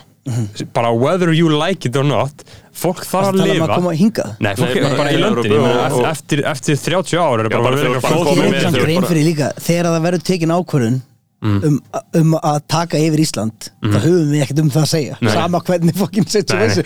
Einn daginn þegar flæðir eitthvað staðar yfir eitthvað staðar í vesturströndbandarækina eða eitthvað, ég veit það ekki þá verður bara tekin ákvörðun það er bara, herri, við erum bara we have to move to Iceland, Já. skilur En myndi hvað það fyndi sem verður fólk bara flóið yfir. Já, já, og ég, ég, að von, ég vona hugsar um- mun ekki stjórna þessu. ef maður hugsa um svona, svona einhverja stóra langtíma framtíðasín þar sem að fólk þarf bara veist, ef að, þetta getur aldrei stríðsátökum svona ástand, skilur, þú veist, er þessu svona við erum ekki með her hérna, skilur það er eitthvað sem við höfum aldrei rætt, við viljum ekki vera með her þú veist, uh, Gætum ekki eins og Nei, við gætum ekki verið með her þú veist, við, þetta er svo fyndið herinn. land Nei. þetta er svo fyndið land, sko þú veist, að öll önnur ríki eru með her, sko, þú veist, þau eru samt ekkert eitthvað Þískaland, massjón her þú veist, já, já. Ég er ekki að tala fyrir við- það væri líka, máli er það væri bara svo létt að strauja okkur.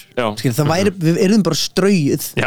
á 0-1 þó, að- þó að allir á Íslandi ættu vélbissu, Já. Börn og gamlir og allir, skilur við þá erum við bara strauð Já. það væri bara Bara einn, já, það er bara einn eitthvað dróni svona frá ah, Joe send the Biden. drone Já. eitthvað svona, Já, já. bara já, ít að play, bara búm búm, búið Já. skilur Mjög auðvitað og Þannig að allt auðvitað verðum við, skilur á, á, á einhverju tímúti verðum við að vera svona eh, ok, þú veist, við þurfum að aðhyllast ef, ef það kemur upp eitthvað ástand þá þurfum við að tíma upp einhverstaðar Já, við munum fara með bandaríkjum Við munum sko. fara hart Já. með NATO sko. Já, já. Það verður svo mikið NATO moment Öll okkar moment eru NATO moment sko. Þú veist, svo þú sért komin úr mýr umhverfni skilur og ég er líka með þér þar Mhm. En þú veist, við erum, já. við, við erum, við erum valdalegu skakvart þessu Við erum bara í NATO, Vafg Vafg vil ekkert fara í NATO sko. Nei, þetta er hérna en ég svona, vonandi þarf maður aldrei að hugsa til þess að, að, að þetta verður stemmingin sko. Nei, en, en hérna, hvernig, það er samt mjög áhugavert að vera alveg upp á alvöru, alvöru rauðu fólki? Já, ég held samt sko smi- mann að hafa fjölskyldutengsl. Jú, Já, þú veist, afi er náttúrulega bara sýningastjóri Já, í mér og hérna, þið getið farið núna og séð á riff hérna mynd, þar sem afi er í aðaluturki ég er eftir að sjá hann, ég er að sjá hann næstu lögða og hérna, Mýr þannig að það sé útskipt það er þess menningatengst Íslands og Rússlands já. já, og alla sunnudaga Og mýr þýðir líka þorp eða eitthvað rússnesku eða eitthvað þannig eða- Oh, eða ég má- já, að vita þetta, Mhm. sko. Það þýðir eitthvað, þetta er eitthvað góð, þetta er eitthvað gott á wordplay þetta þýðir- eitthvað, eitthvað nokkri hlutir Já, sko. ég held að þetta þýðir sko þorp eða hópur eða eitthvað þannig sko. Og síðan hérna, já, alla sunnudag er, er hérna, vo- voru bíósýningar skilur og rússneska myndir síndar og ég var ofta að horfa á rússneskar teiknimyndir skilur, það sem er bara að vera að hengja af Amerikan Alveg kaldastrís veistlu bara. Já. bara eitthvað, eitthvað vel brengla. Og hérna, ég var ymmit um daginn, sko, það er þetta fara að inn og, eða ég veit ekki hvort það sé opið fyrir fólki en ég var sérst í afi á nýraðan daginn og ég fór bara eitthvað svona því þegar ég var lítill, þá var ég bara eitthvað veist, leika mér og ég fatta ekkit hvað var þannig ég fatta ekkit að, að það væri eitthvað kommunista hús, skilur eða hvaða pælingar þetta voru, skilur ég var bara með Stalin-næluna minni, góðan fíling Já. Bara og, hérna, og komst inn í einhverja geimslunum daginn og það er svo gegg, að geðvegt bókasafna Já, bara endalust af rúsneskum bókum eða þú veist Rússlands vina bókum skilur, og svona staplar af blöðum sem heita Sovjetvinurinn og það er svo gaman að fletti gegnum þetta sjá pælingarnar, sjá auglýsingarnar skilur og bara, um að tala um blað frá 1940 skilur, bara endalust af einhverju svona, bara insýn inn í einhvern heim sem maður þekkir ekki neitt sko. en þetta smitaðist síðan, þú veist síðan er pappi ekkert jafn mikill kommi, en alveg, við erum alveg vel í vinstri vagnum, skilur já. Og hérna, síðan er, verði ég eldri og fær mí, mína skoðanir og veist, fyrir að taka eigin ákvarðanir og ég, mm veist, emmitt það var aldrei köttað á eitthvað að ég mætti ekki hugsa svona svona en ég, ég mætti aldrei kjósa sjálfstæðar ég er þið bara, mér er hent út sko. Já. Já, en það er náttúrulega líka svo fyndið að sko, þú veist, að því að fyrir utan þú veist þá sem voru alveg að viltasta vinstirvægnum sem voru kommunistar á Íslandi þá voru Íslendingar svona meira og minna að skiptast upp í framsvonflokk og sjálfstæðisflokk svona framan af og í svona grófu dráttin þá voru svona stóru blokkirna skilur og, og þarna, þú veist að láfið að sjálfstæðisflokkur væri með reyna meiri hlut á þinginu skilur á sín tíma, hann var bara með rúm, rúm 40% skilur, þannig sama hátt og þessi kommunistar skilur bara, þú veist, ég hef aldrei reykt ég hef aldrei drukkið og ég hef aldrei kosið kosið sjálfstæðarflokkin skilur, þú veist, bara lífstílin og e, það er bara ógislega að það var bara smá þessi stemming. Já, þú varst annarkost já. núna er náttúrulega bara 17 flokkar eða eitthvað sko, og núna er þetta allt svo sökkað og allir eitthvað, þú veist, maður að tala við eitthvað og hvað er íslenski nazistaflokkurinn? ég, þú veist, við erum bara ekki meira Málið er bara, Sigmundur er ekki man enough til þess að fara all in í þetta sko. Nei, hann er svona við hann hann, hann Nei, hann, hann er alveg bý- hættur hann, þessu hann, öllu, sagði, sko. hann sagði í kappræðinum í á rúf að hann vildi kyn- láta kynjafræði vera skildi í öllum skólum skil ég bara Sagði hann það? Já, Ok, þú veist, það var, það var, það var spurt allan ringin og það var spurt sko, viljið þið bara, hún, þau sögðu bara hvað er ein löglega spurning, hérna, viljið þið að kynjafræði sé gert að skildufæði í öllum skólum landsins? Og allir auðvitað bara viðrist bara, úhú, já, ok, ok. Og síðan kom Sigmundur og Sigmundur eitthvað nú er þetta auðvitað spurningum uh, hvort að þetta sé bara um innihald.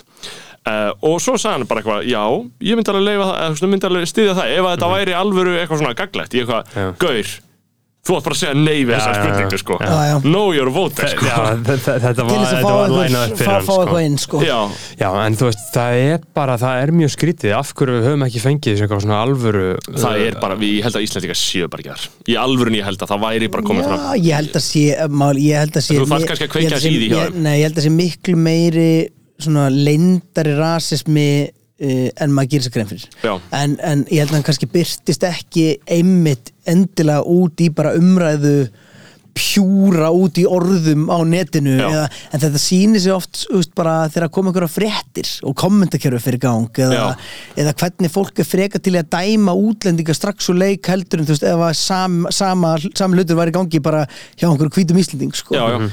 þannig að og líka bara þú veist ángríns og auðvitað spilar það náttúrulega inn í að ég sé þekktur líka en þegar við erum að senda e-mail ég og konan, þú veist, hún heiti Jóvana Skalli Mhm, Skalli og hérna, þá sendum við frekar af MC Gauti að gmail af því við fáum Já. svar strax Já, já, já. já, já. Já.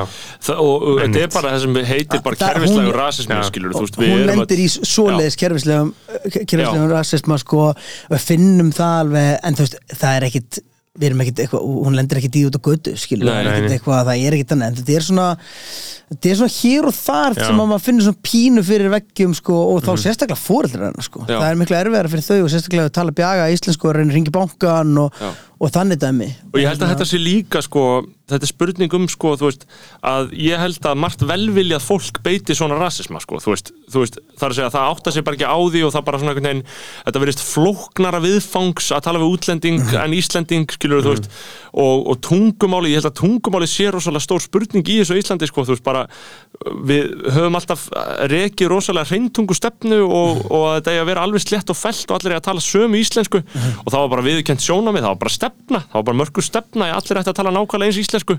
Uh, og við bara erum, erum ennþá með föst í því og ég held að núna, ég hef séð bara meira þess að umræða aðeins á Twitter undanfarið meðal annars frá henni Nicole Lee Mosty og líka bara öðru fólki sem er svona einhver svona PC tungumálspælingum sem er að segja bara það verður að hætta að taka tungumáli svona alvarlega en annars erum við bara að fara að ganga í dauðu skilur ég, ég hef alveg, sko, ég hef alveg gaman af svona bara eitthvað nördaskap í kringum tungumálið, en mér er líka alveg drull sama. Og ég, þú veist, ég brýt alla reglur og, og skrifa hluti vittlaust og, og, og finnst það í góðu lagi. Og síðan bara svona hlutir eins og hérna önnur umræða, af hverju erum við ekki til dæmis að kenna pólsku af hverju erum við ekki að bara ángríns þegar það er komin, komin svona mikill fjöldi af rúm, rúm 40.000 Já, burt ég ég, ég, ég veit ekki hver talan er. Eða, veist, eða bara bæði, skilur Já. við mér finnst alveg gaman líka að haldi eitthvað svona pínu menningarleg tengsl við hérna, þegar, þegar við okkur var stjórnað einhverjum Dana, Dana Já, Prins sko. já, mhm. en ég held að sé miklu nöðsynlegra í bara menningarlegu samengi að kenna pólsku og og, líka sko það væri svo mikil, mikilsvert ef við myndum skilja hrafl skilur, ef við myndum skilja smá Já. þá er maður strax komið miklu betri og dýpri þá ertu líka tengingu búin að drepa svona þú veist, þetta er alltaf bara hérna veist, það er svo mikið af fordómi sem eru byggðir á því að vera hrættur við að skilja ekki hvað fólk er að tala um já, já, ég er að segja það, svo veist bara að, þú getur að því bara, oh shit, þau geta bara verið að segja hvað sem er skilur, og hérna og síðan þegar það er búið, að portreya skilur Araba þrísvar í einhverju bíómynd sem þú sérðu og þeir eru sprengjukallar í einhverju mynd síðan sérðu það út á götu og þú bara fyrir að beintengja þetta og þú verður bara óvart að einhverju rasta skilur já. En, og, og, og þetta er náttúrulega vandamálið sem við náttúrulega bara, maður sá bara þegar maður sjálfur í grunnskóla, bara pólverar voru saman í hóp og Íslendingar í öðrum hóp Ég er, ég er á Já. það, það, var ótrúlega mikið magna af útlendingum í breiðoltinu Mhm. Já. og það var líka bara ótrúlega mikið um rasma Já. Og hérna, þó svo, ég, ég, veit, ég veit ekkert stöðun á í dag og hérna og þú veist, reyndar eins og kona mín náttúrulega við vorum saman í grunnskóla og það voru þrý serpar í, með okkur í, í, hérna, í selaskóla og það var ekkert eitthvað, það, var engin útskúin þannig þar. En, en einmitt, síðan sá maður alltaf mikið að fólk var að hópa sér saman og, og einangrast út frá úst, það voru bara úst, líka, úst, hvað það er bara svona, var ríkt í okkur á ókslega langan tíma að það var bara sjálfsagt að tala um eitthvað sem eitthvað pólst dót. Já. ef það var ekki alveg fínt og þú vildir hafa mm -hmm. djúðlir þetta pólst eða eitthvað svona Já, já, Nú þetta bara fyrir er það? Að dóta eitthvað svona, mitt, úlpa, úlpa Já, eitthvað. þetta er að- mjög, ef eitthvað var fát, fátæklegt eða eitthvað, tala, var talað um þessum pólst dæmi eða og, eitthvað, og, sko. þarna, en, en svona, þú veist, að því að, að því að náttúrulega maður fer í gegnum úlingsárin oft mjög stektur finnst þú að hafa áttæði miklu betur á þessum að þú, þú vísa, þú, uh, þínar upplýsingar um þetta koma að mörgu leiti líka bara frá koninni finnst þú að hafa lært mikið um það hvernig ver, þessi veruleiki er bara með því að vera í svona nánu tengslu við eitthvað sem hefur upplifað daginn skinni? Mér fannst bara, já, sko sko að fá sko, að fá sögurnar bara beint, beint að beljunni sko varðandi hvernig þetta var til dæmis í Serbíu og Króatíu þau eru, eru, eru króataserbar búa í Króatíu, síðan kemur borgarstyrjöld og þau neyðast til þess að fara frá Króatíu og yfir til Serbíu og eru bara í brjálum, bílaröðum, dögum saman og það er verið að droppa sprengjum á fjölskyldufólk, skilur við og að- að að sita með manni þetta er alltaf svo fjarri manni og síðan þegar maður sér einhverja fjölskyldur hérna í fréttunum þá er maður einhvern veginn svona veist, þá er þetta svo, þetta er svo ótrúlega fjarri manni að maður næri ekki að mynda svona tilfinningarlega tengsl strax nema maður, veist, maður, maður kannski gera gagast börnunum en, en hitt þessu fjarri manni, en síðan þegar þau sita bara í fjölskyldubúðu heima á mér og þetta er bara beintur fram á og maður er bara, veist, og auðvitað obvious fact, skilur, þetta er bara fucking fólk. Þetta er bara alveg, það eru allir jafn mikið fólk allstaðar Já, og hérna og allir að berjast fyrir sínu jafn mikið og, og ég bara hugsa hefði ekkert þurft mikið að gerast til þess að hún hefði bara fengið nei. Já, og þau hefði fengið bara nei, þú getur ekki sanna fram á að það sé nóg hættulegt heimahör og í fyrsta lagi er það fárlegustu rök í heimi. Eitthvað svona ef ykkur er fucking flúin akkur er hann flúin, skilur og síðan eitthvað, já, finnst líka stundum með rökin, já, ég meina sumir eru bara að ljúa til að reyna að bæta líf sitt, eða eitthvað svona en það hafa það ekkit, það er ekkit hættul maður er alveg, jó, þeir eru samt að flý, það er enginn að flýja ganni sínu, Nei. það vill enginn koma til Íslands, eitthvað að ganni sínu. Það vil ekki fara á fucking búa Þetta- kólsvelli, heldur sko. að þau Þetta er hafi ekki vilja Kalifornía, sko. heldur að þau hafi vilja fara frá Króatíu til fokkin Ísafjörðar Ummitt þú veist, ímyndaði sjokkið. Já, já. þau voru þetta brjálast og það var alveg geðvett stuðningsnett og bærin tók á móti þeim og, og þau voru með stuðningsfjölskyldu sem er bara í raun og veru þú veist, bara, er bara fjölskylda mín líka í dag Já. Mhm. sko, eftir, að, eftir að við erum saman. Já og hérna Já, ég myndaði það sko að, að þetta með að, að við erum virkilega ennþá mjög mikið að flokka þetta eftir því hvernig við metum áhættuna heima um, skilur Mhm. en síðan er fólk að segja bara, þú veist, ég er pólsku flóttamæður, ég er hommi, það er bara verið að ofsækja mig, ef ég fer þarna aftur þá verið drepin, skilur, ég, það er það sem ég er að segja ykkur, ef ég fer þarna aftur þá verið drepin lamin, skilur bara og við erum bara, nei, ég, ég er það satt, er þetta svona slæmt? rökin,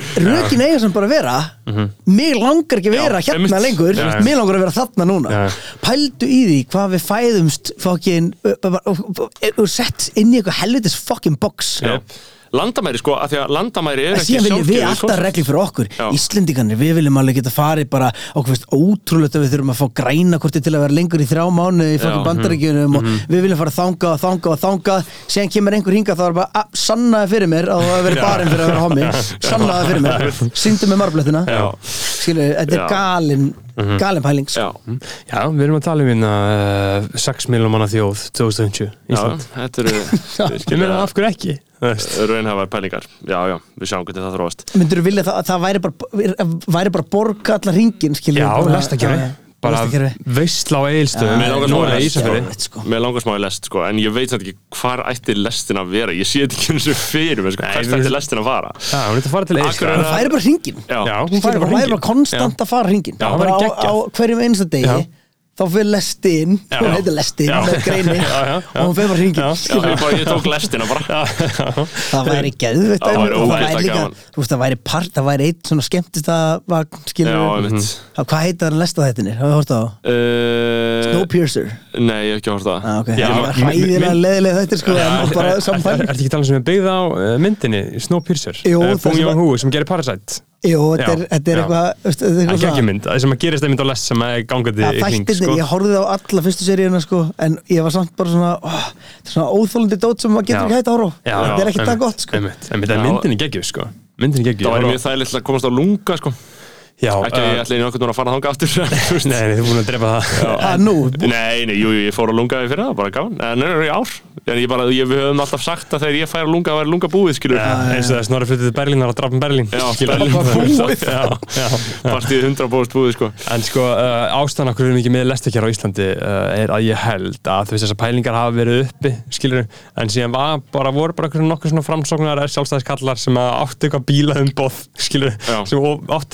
skilur bara, voru bara einhverjum nokkur svona framsóknar sjálfstæðiskallar sem að áttu eitthvað bíla um bóð, skilur Já. sem og áttu eitthvað svona bara bara hefði hefði, ok, wow, það komið lestir það þýðir að við töpum einu penning, já, nei, nei, nei, nei, stopp þetta Já. stopp þetta, stopp þetta Mér finnst einmitt þessi umræða alltaf þegar að vera að tala um eitthvað svona aðfyrir enga bílnum og, og hérna hvað er leðild að hjóla er ekki eitthvað eitthvað Mhm. það þarf ekki að vera þannig þetta getur verið awesome, skilur við hverfiskatan var hræðileg fyrir nokkrum árum Já. Já. henni var bara breytt Mhm.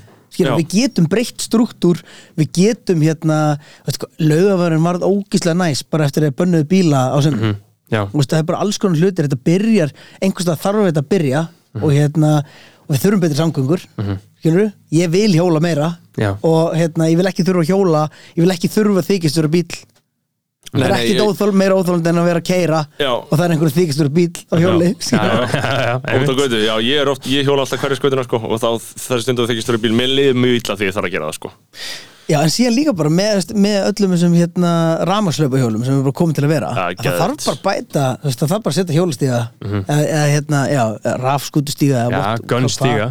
Já, bara Já. stígar til að gunna á. Já, já, já, ég kemst upp á 50 á mínu löfjóli, sko. Já, í góðri brekku, sko já ég, við, já, það er svona crazy sko er já, ég, hættulega það, þannig. það er mjög hættilegt Ert þú ekki svona rafmagnshjóli? Ég er á rafmagnshjóli, Ég sé sko. þér nokkur svona sko, Já. þegar ég er að skutla í leikskóla það er virkilega, já, skæri, það er geðveitt, geðveitt hjól og þú veist, ég og Beggi er núna bara báður á raf græfum, við förum bara Já. allt, það er ekkert mál sko ég elska Eh, Og jökli bíl Já, Nei, valla lengur sko, pappi er bara með bíl og ef maður þarf hann þá get ég farið Ég þarf að fara í. IKEA, mér Já. langar mikið að kaupa mér höldur núna í IKEA Ég til dæmis var einn svona alltaf tveim bílum Mhm. og ég var bara, já, ég verði að vera tveim bílum skilur, ég á svona mörg börn og eitthvað bla, mhm. síðan hérna seldi ég annan bílinn. Ég þarf ekkert að vera á fucking tveim bílum. Nei, og það þurfi ekki allir í einhverju fjölskyldu það er aðeins þægilegra, skilur já, en þið þurfi ekki öll að vera á bíl skilur, Nei. sama þó þið búið upp í grafarhaldi eða whatever, þið Sama. þurfi ekki öll að vera á bíl. saman hvað sem ég vil segir Já, ég myndi, hann myndi örgulega pottet vinda mér í rökræðum um þetta sko, já, og, og, og líka í grunninn Sko, að því, mér er sko bara eiginlega í alvöru tala smá drull sama Já, já, líka. ég er bara búið til kontentinu ef þú myndir spyrja út á götu núna ef, einhver myndir ringi mig og vilja fá viðtala um þetta þá væri ég bara, nei, mér er eiginlega bara alveg drull sama Já, já.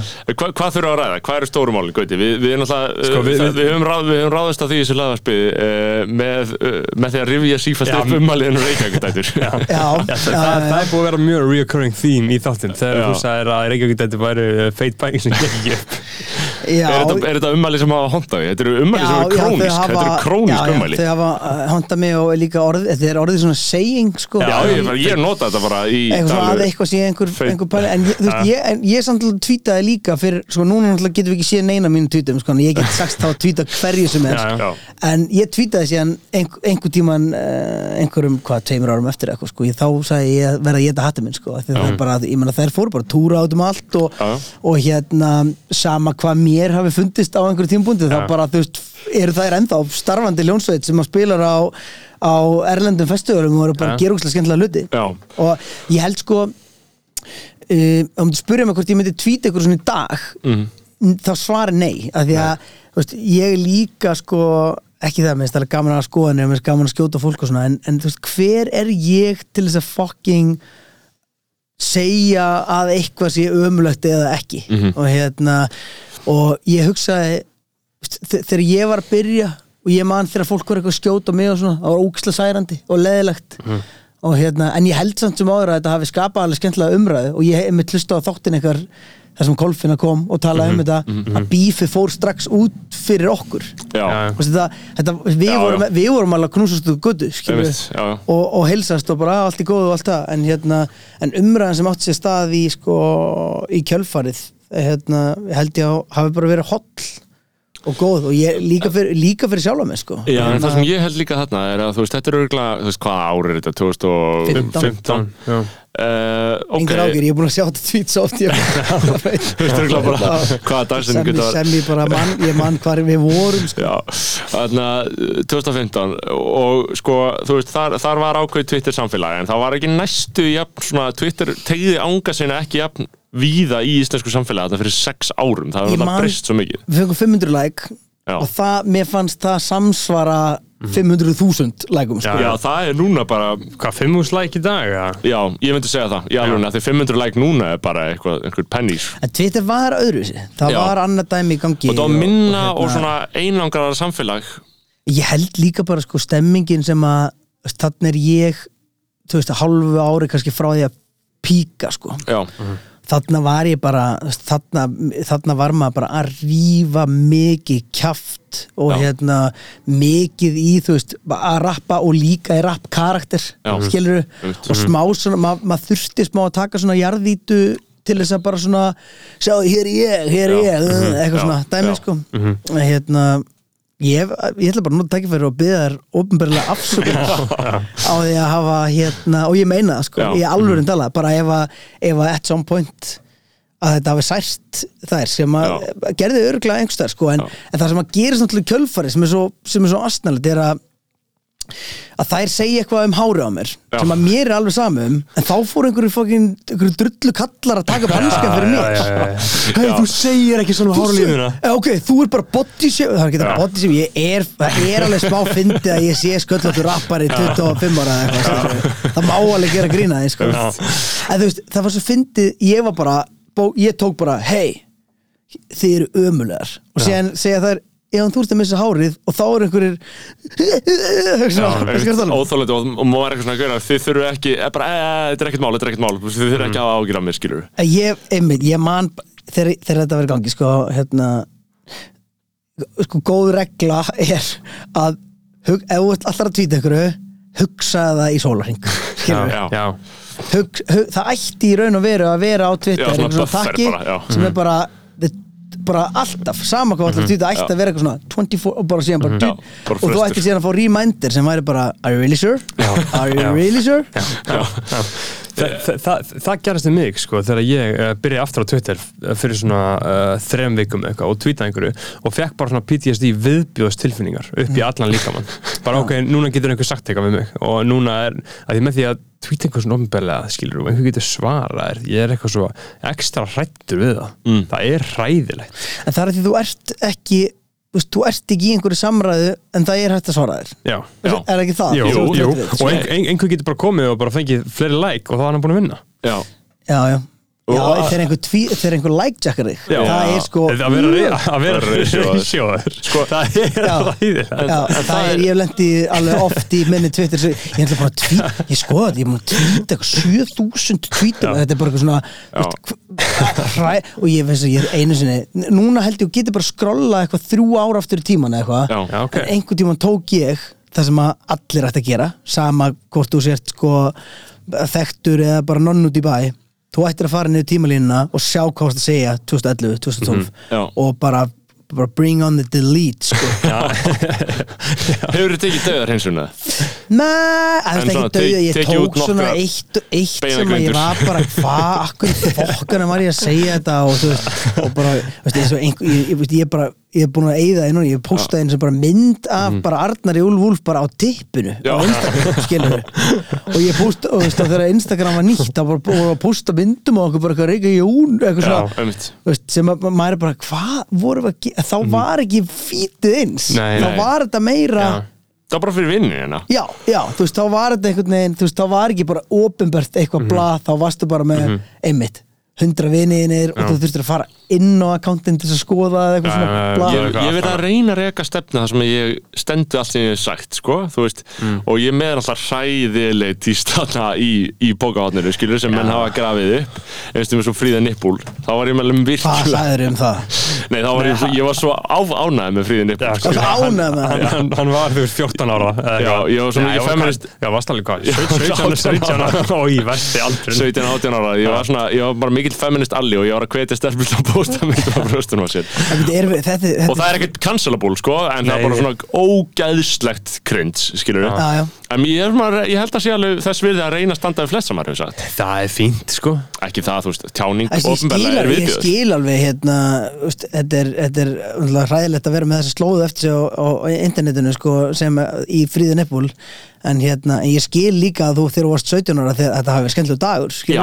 það er sem við tala um Já. að hérna, eftir í leiðinni að því þetta er, þetta er bara þetta er ógíslega jákvæð hlutur að gerast Já. og þetta er svona dót sem að veist, en það siktast ekkit inn á fyrsta klukkutímanum Nei, nei. Nei. Þú veist, að hérna, ma- ég, ég, maður hefði verið að ljúa líka á sama tíma eða hefði ekki verið bara veist, jákvæð barátta Já. og bara ætti að vera sjálfstæðastu fokkin hlutur í heiminum Mhm. að dætur mínar ætti ekki að þurfa að hilja á sér efripartina á meðan sonum minn getur verið á sundskilu skilu, en á sama tíma var alveg bara, fítið var veistla.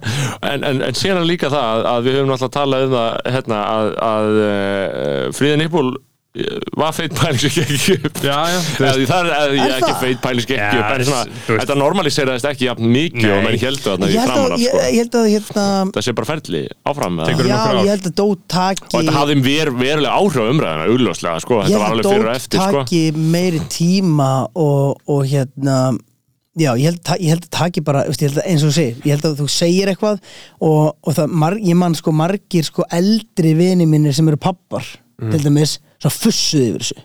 Á meðan ég skildi ekki fussið, skilur og hérna, ef var þetta ekki 2015 manni, Jú, manni, 2015, manni hvort ég að vera orðin pappið ekki. Þetta var vorið en ég 2015 fann þú veist eld, eld, svona alveg eldri kynnslóðan var bara já ég meina þetta er bara stelpur að bera sig skilur, Já. á meðan yngri kynnslóðan var bara já þetta er bara geðið jákvæða þróun. En síðan erum við kannski að tala um lið sem var yngri en þú skilur, Já. sem var kannski tí ára og uppleði þetta. Og það er veist, síðan þarf bara oft hugsa ég að til þess að hluti breytist þá þarf fólk að deyja. Mhm.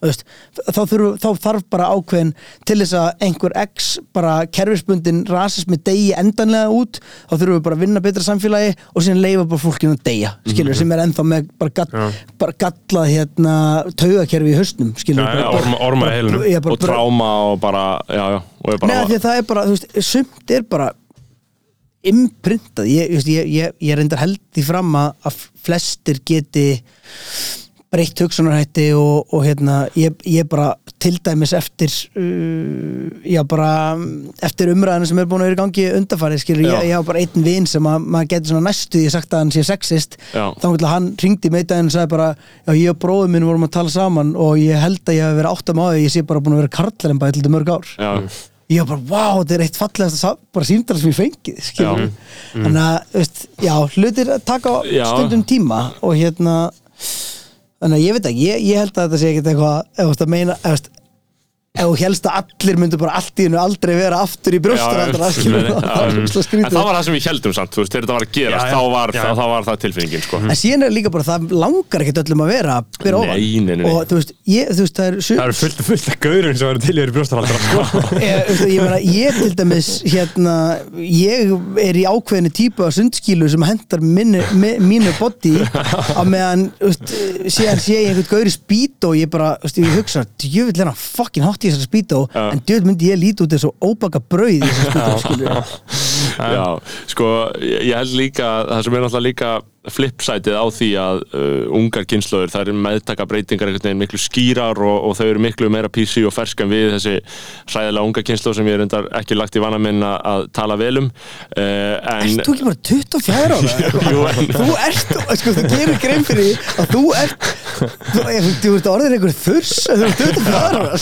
Nei, ég er 24 en ég er tala um svona sko, alvöru úlingar skilur sem eru að alast upp uh, og eru einmitt þú veist, 12, 13, 14 ára á þessum árum uh, það sem þau meðtaka líka sem, sem normalisýrast örgulega fyrir þeim er bara, þú veist, samfélagsmiðlandi sem við erum búin að tala um sem eru svo mikið problem. Og ég held að, þú veist einstumist með uh, þessar áhrifavaldapælingar uh, ég held að við hljótum að eiga svona tímabil ég meina ég var í mentaskóla og horfði á svona alls konar áhrifavalda vibes verið í gangi, skilur en síðan óks maður upp úr því og fór að vera á móti, skilur sem er svona eðlilegt ferli, skilur en mögulega að kynnslóður sem alast upp með þessu bara alltaf muni aldrei verða á móti áhrifavöldum skilur, eða, eða hvernig sem það er skilur, og ekki að það sé eitthvað endla slæmt ég meina, þú ert náttúrulega hálfpartin áhrifavöldur sjálfur Gauti? Já, ég get, á einhvern nátt getur þú flokka með þar, sko, en ég finn líka líf mitt batnaði hvert sinn sem ég bakka úr því að vera áhrifavaldur, skilur og en, þú veist, það er, það er samt að, sko, einhver leiti órjúvanlegu partur af því að vera tónlistamæður og vilja vera einhvers konar að þá, þá þarf ég á einhvern nátt að vera í þessum leik, skilur Já, já. not, En not, það- það- nota það- samfélagsmiðla. En ég til dæmis veist, ég til dæmis tók þá stefnu skilur að ég, hérna, ég hef bæði verið beðin um að uh, auðlýsa nikotínbúða og orkudrykki. Og ég segi bara nei, ég trú ekki á að það sé gott fyrir neitt Nei, nei. Já, en hérna, ég samt, mér var búin slatti af peningur, pen, pening fyrir að, að auglýsa negutínbúða en ég var bara, ég. Það get það voru ekki margir sem tóku því, sko. Já, ég sá það, bara allir. Allir en ég. Já, bara ég- 300 skall. Ah, ok. Já, þetta var bókstala fokkið 300 Já, já. skall fyrir einhver eitt post Já, eitthvað, já. Þetta var góð dýl, sko. Og, ég, og ég hugsaði bara, ne, veistu, mér langar í þetta Já. en ég get ekki sagt. Nei. og ég tók einmitt bara einhvern tímann á einhverjum orkudrykkjaspons hérna og, og síðan eftir smástund þá var ég bara, nei, veistu, þetta er ekki sem að fyndi, ég segi þetta. En síðan er ég samt að auðlýsa bjór á sama tíma og drekka ekki bjór, sko. Af því ég trúði ekki sem góð fyrir mig, sko. Já, já. En hérna, æ, mér fannst það eitthvað annað. Mér, að að, þú veist, ef, þegar ég er að auðlýsa bjór til dæmis genið jólutónungar minna þá er ég ekki að targeta börn. Ég er, ég er alls ekki að targeta börn. Og þú ert en að ef ég er með nikotínpúða og orkudrykki ef ég væri bara að auðlýsa fokkin nokku er ég þokkalega mikið að targeta börn Já, og mér finnst það líka annað dæmi þegar að sko Túborg eða hvað sem það er að sponsora tónleikana Þetta var Já, menningar þú, og, skilur. og, og, og, og þú, þú veist, það er bara svolítið basic að fyrirtæki sponsa einhvern viðburð eða Já, já. eitthvað konsept sko. en, Og það er líka að hættulega, hættulega við þetta er að þú sjálfur ert að selja þetta bara sem þú skilur Mér finnst það hættulegast sem búið að gerast til dæmis eins og með orkudrykkina er að það búið að tengja þetta ótrúlega mikið við heilsu Já, og það er búið og að og, og, já, og menn eru veist að vera hefi fitt á því og posta mynda nokku eins og sé eitthvað fokkin Mhm. Já. sama sem merki milli Já. þess Já. að drekka eitthvað koffín djöbla djús Já, auðvitað, og, það, er bara, það er kannski bara fólk sem er það stúpid að það trúi, eða þú veist, kaupi við þessu Nei, ég- meina, þú heldur það sjálfur, sko, ég finnst þetta með rektunni er eitthvað mega þreyttur eitthvað, æ, ég fæ mér eitt nokko bara, skilur Já, ég, ég ger þetta líka. Já. ég er, ég, veist, máli, ég er líka alveg bara, þó svo að ég tali eins og ég sé eitthvað partur af lausninni þá er ég líka bara með hjarðhæðun skilur Já, en sko, það er líka, mér finnst það líka aðeins annað en eitthvað svona shameless uh, spons þegar þú ert bara með eitthvað túborg, skilur þú veist, alveg óumdeilt að það er bara algjör veistla þegar það er bara jóla túborg að flæða og mennir á tónleikum, skilur, þetta er bara eitthvað sem er næs og allir eru hánað með, skilur. Já, já, og, Er þetta ekki með þess að byrja að auðvisa tónleikana? Jú, byrjar að bara að selja og gengur, gengur heldur vel sko Já, Þetta er heldur fýtt moneymaker, eða ekki? Þetta er ekki vestat sem gerist á árinu. Það er einu á hömbul Þetta er svo þegar ég Ara Eldjóð einhvern veginn í búðinni og ég, og það var hann búin að selja upp bara eitthvað þrjú þúsund síningar eða eitthvað. Og ég var líka. hvað, er þetta ekki bara ógslega mikill pening og hann er, að maður nær, nær endum saman. Ok, þú veist, þetta er íslenski úrdrátturinn, sko. já, þú veist, þetta er hérna, jú, þetta er, þetta er bara ógslega gaman líka, þetta er Veist, ég, ég fæ að halda tónleika á húra skilur og ég get fara á græna hattinn og ég get spilað það sem ég geri aðala er að spila á ársatíðum og í brúðköpum og svona dót þess sem ég fæ að koma inn taka fjögulög sem eru vinsæl enda á Reykjavík, þykjast fara komi upp, klapp, taka Malbygg skilur já. þetta er svona lúpa sko og ég elska þessa lúpu skilur ég þarf að minna mig á það reglulega þegar ég er eitthvað full yfir ég að þurfa að fara út að þetta er það sem ég hef alltaf stemt að. En á jólatónleikunum mínum þá fæ ég, það tekur marga marga mánuði að gera þetta. Mm. ég fæ að setja upp eitthvað svona tím á einhverju drauma liði, skilur um, ég fæ að selja veist, fullan háskólabíó þú veist, performa fyrir bara þúsund manns á sama tíma. Ég fæ að vinna með alls konar sviðsfólki hljómsveit hérna, búið til handrit vinna með, veist, þetta er bara svo þetta er ógeðslega stórt batteri og þetta er alveg ógeðslega gaman að þetta er einu skiptin sem að, ég get sagt bara eitthvað svona manískar pælingar og enginn segir nei. Þú veist, ég er bara, ok, endanum á sýningunni þá krossfestu við mig og Já, það er allir bara, já, það er mjög góð hugmynd já, akkurat. Já, já. Ringi mig finna á prikinu mm Mhm. og, og setjum prikið á krossin Já, af því þá er ég Jésu á prikinu allir bara, já, þetta er mjög góð hugmynd skulum gera það já. Já, ég meina, þetta eru bestu og einu jólatónleikar sem ég fara á Ég er nefnilega aldrei komist, sko. Hefnir eru þið, Það stóð, eru einmitt að fara að fá bóðsmiða Já.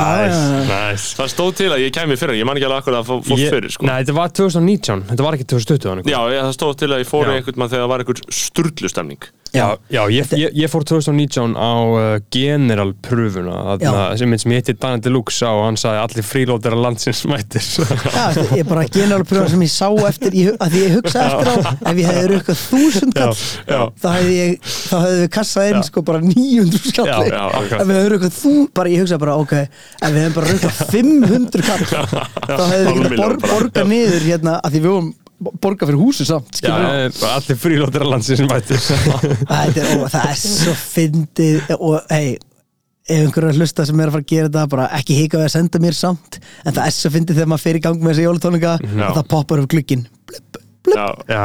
blessar og, og mann langar næst í að segja stop the small talk, byttu bara einu fokkin við það skilur að þetta fer alltaf fyrst í eitthvað stundum er þetta sko Já, hérna, eins og? Kanye segir. Hann segir eitthvað eitthva, það- í, í hvað lægir, ekki? 30 hours þess að hann segir eitthvað fólk hefur sambandum mig sem ringir að daginn eftir og byður um eitthvað. Já, Já, já. Þetta er það og, og uh, maður er náttúrulega shameless sko, en, en sko jólastemningin við erum náttúrulega góð, við erum að tala um sko, við erum að þetta kemur út í oktober sko, við erum Já, 15. já. oktober eða eitthvað, við, það eru bara tveir mánuður í jólin Já, sko. ég meina ég er í skóla sko, háskólanum og er allir, búinn. allir voru að segja bara, já, mánuður eftir Já. Þú veist.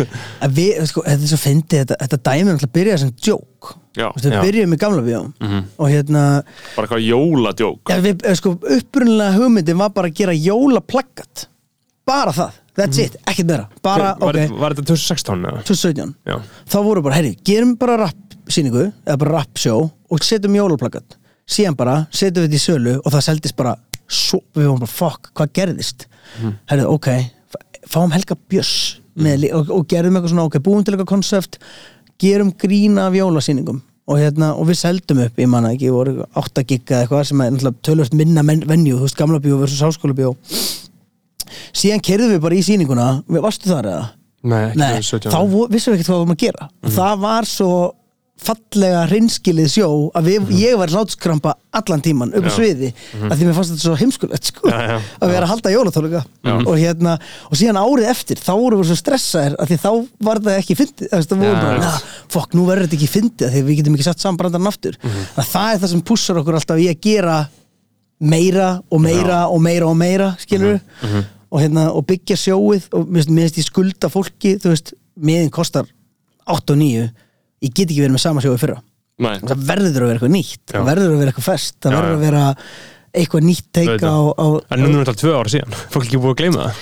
Það er það sem við erum búin að ræða á fundum sko. Já, það er svo fyndið líka hvað fólk er sólgið í djammið um jólin sko. Og þetta er að sé, bara, ég skal taka myndir af salnum Já. þegar fólk er, mamma náttúrulega sá fólk næst í stund að kynlíf fyrir fram að þegar Ég heyrði eitthvað af einhverjum senum þarna bara síðast sko. lið er hamrað Já. sko, Já. og, Og það er sitjandi. og samt erum er við bara sko samt og við erum samt sko bara á núna sko þriðudegi, miðugudegi, fimmtudegi að því við erum ennþá bara að lepi upp sko bara það sem bakalútur vill ekki Já, já, já. já, já. það er bara við upprunlega pælingi, við komumst inn í háskóla bíó skilur að því að uh, við skoðum bara dagskrona og bakalútur náttúrulega eru bara með átjón sýningar eða eitthvað alltaf. Mhm. og við höfum bara fuck, en það er ploss þarna. En það er alveg onni í jólun, gengur það upp. En núna er það bara orðin einhver hefð hjá Já. liði sko að mæta þó að sé hérna, þó að sé þriðdagur og fólk er bara einmitt að já. stapla, píramíta staplar af hvítvinni út í sal. Mikið vúað Djöfull er það fyndið En sko, uh, við vorum að tala um hann sem talaði um hann 2016 þegar að þú varst alveg að fara að píka eða þú píkar. Uh. Ég meina hvernig, nú ertu búin að vera bara búin að spila inn að leik síðan Linda var heit sko, í, í, í mjög langan tíma.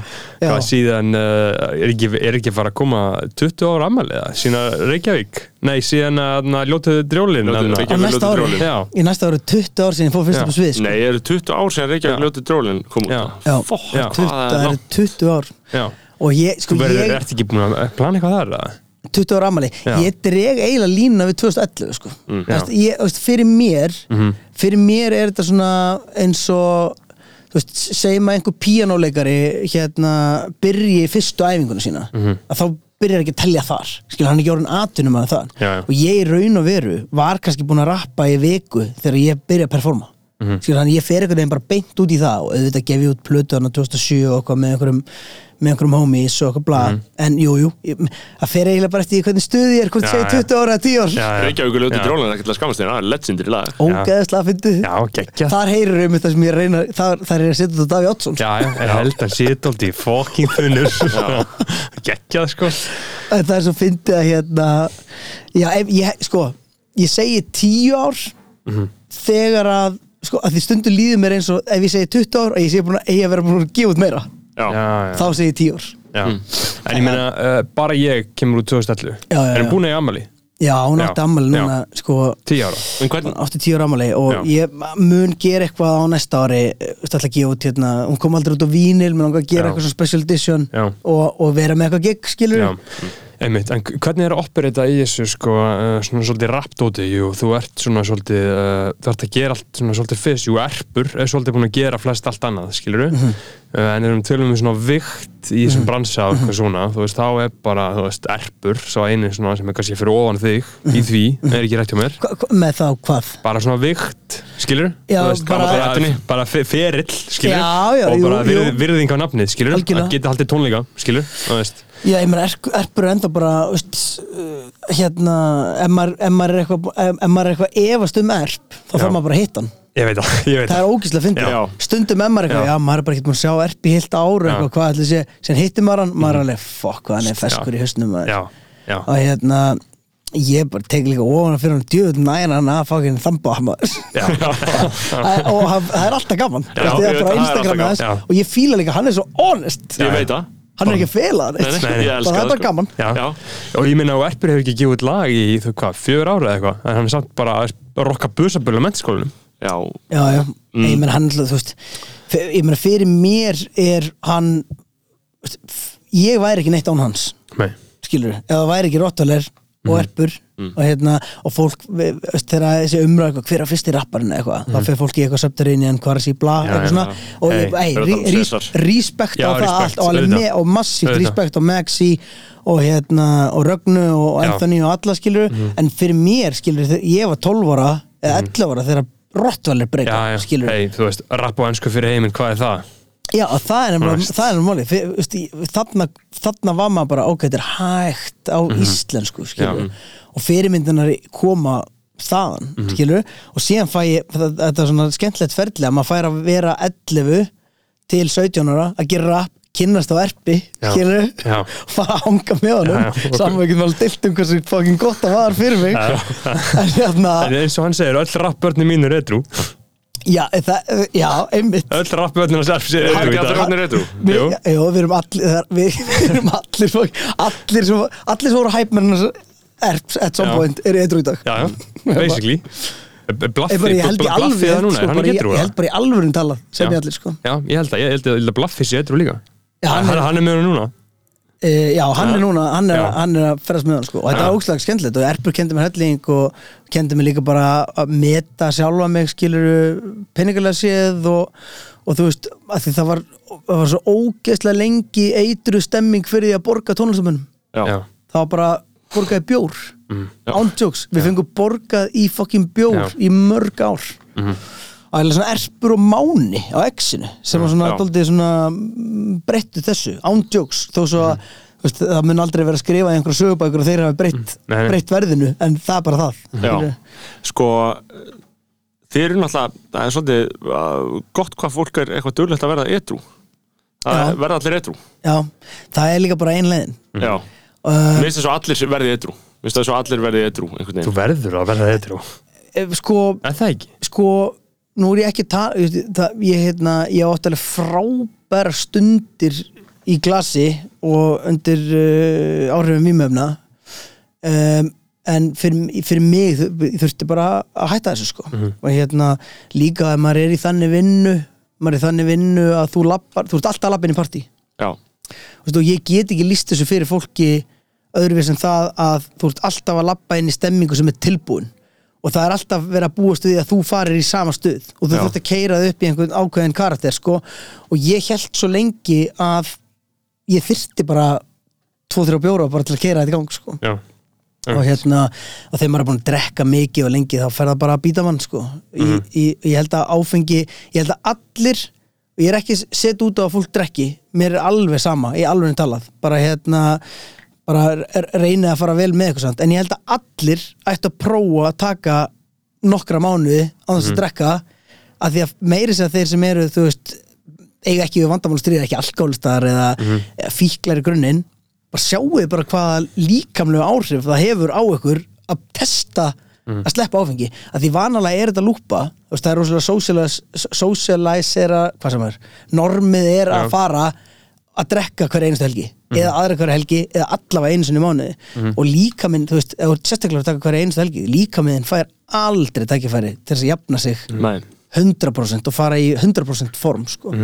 Nei ég, ég Beggi var um þetta að segja mér að hætta að drekka Ég, ég, Já, ég að huglega þetta ég, nú ég, ég, ég tók intervention á hann live í, þætti. hérna, í gær, sko. Þetta er skóðut í morgun. En þetta er hérna veist, en þe- þetta er líka ógslag gaman skilur við og eh, það er gaman En það er, enn, hérna, það er enn meira gaman að hætta sko.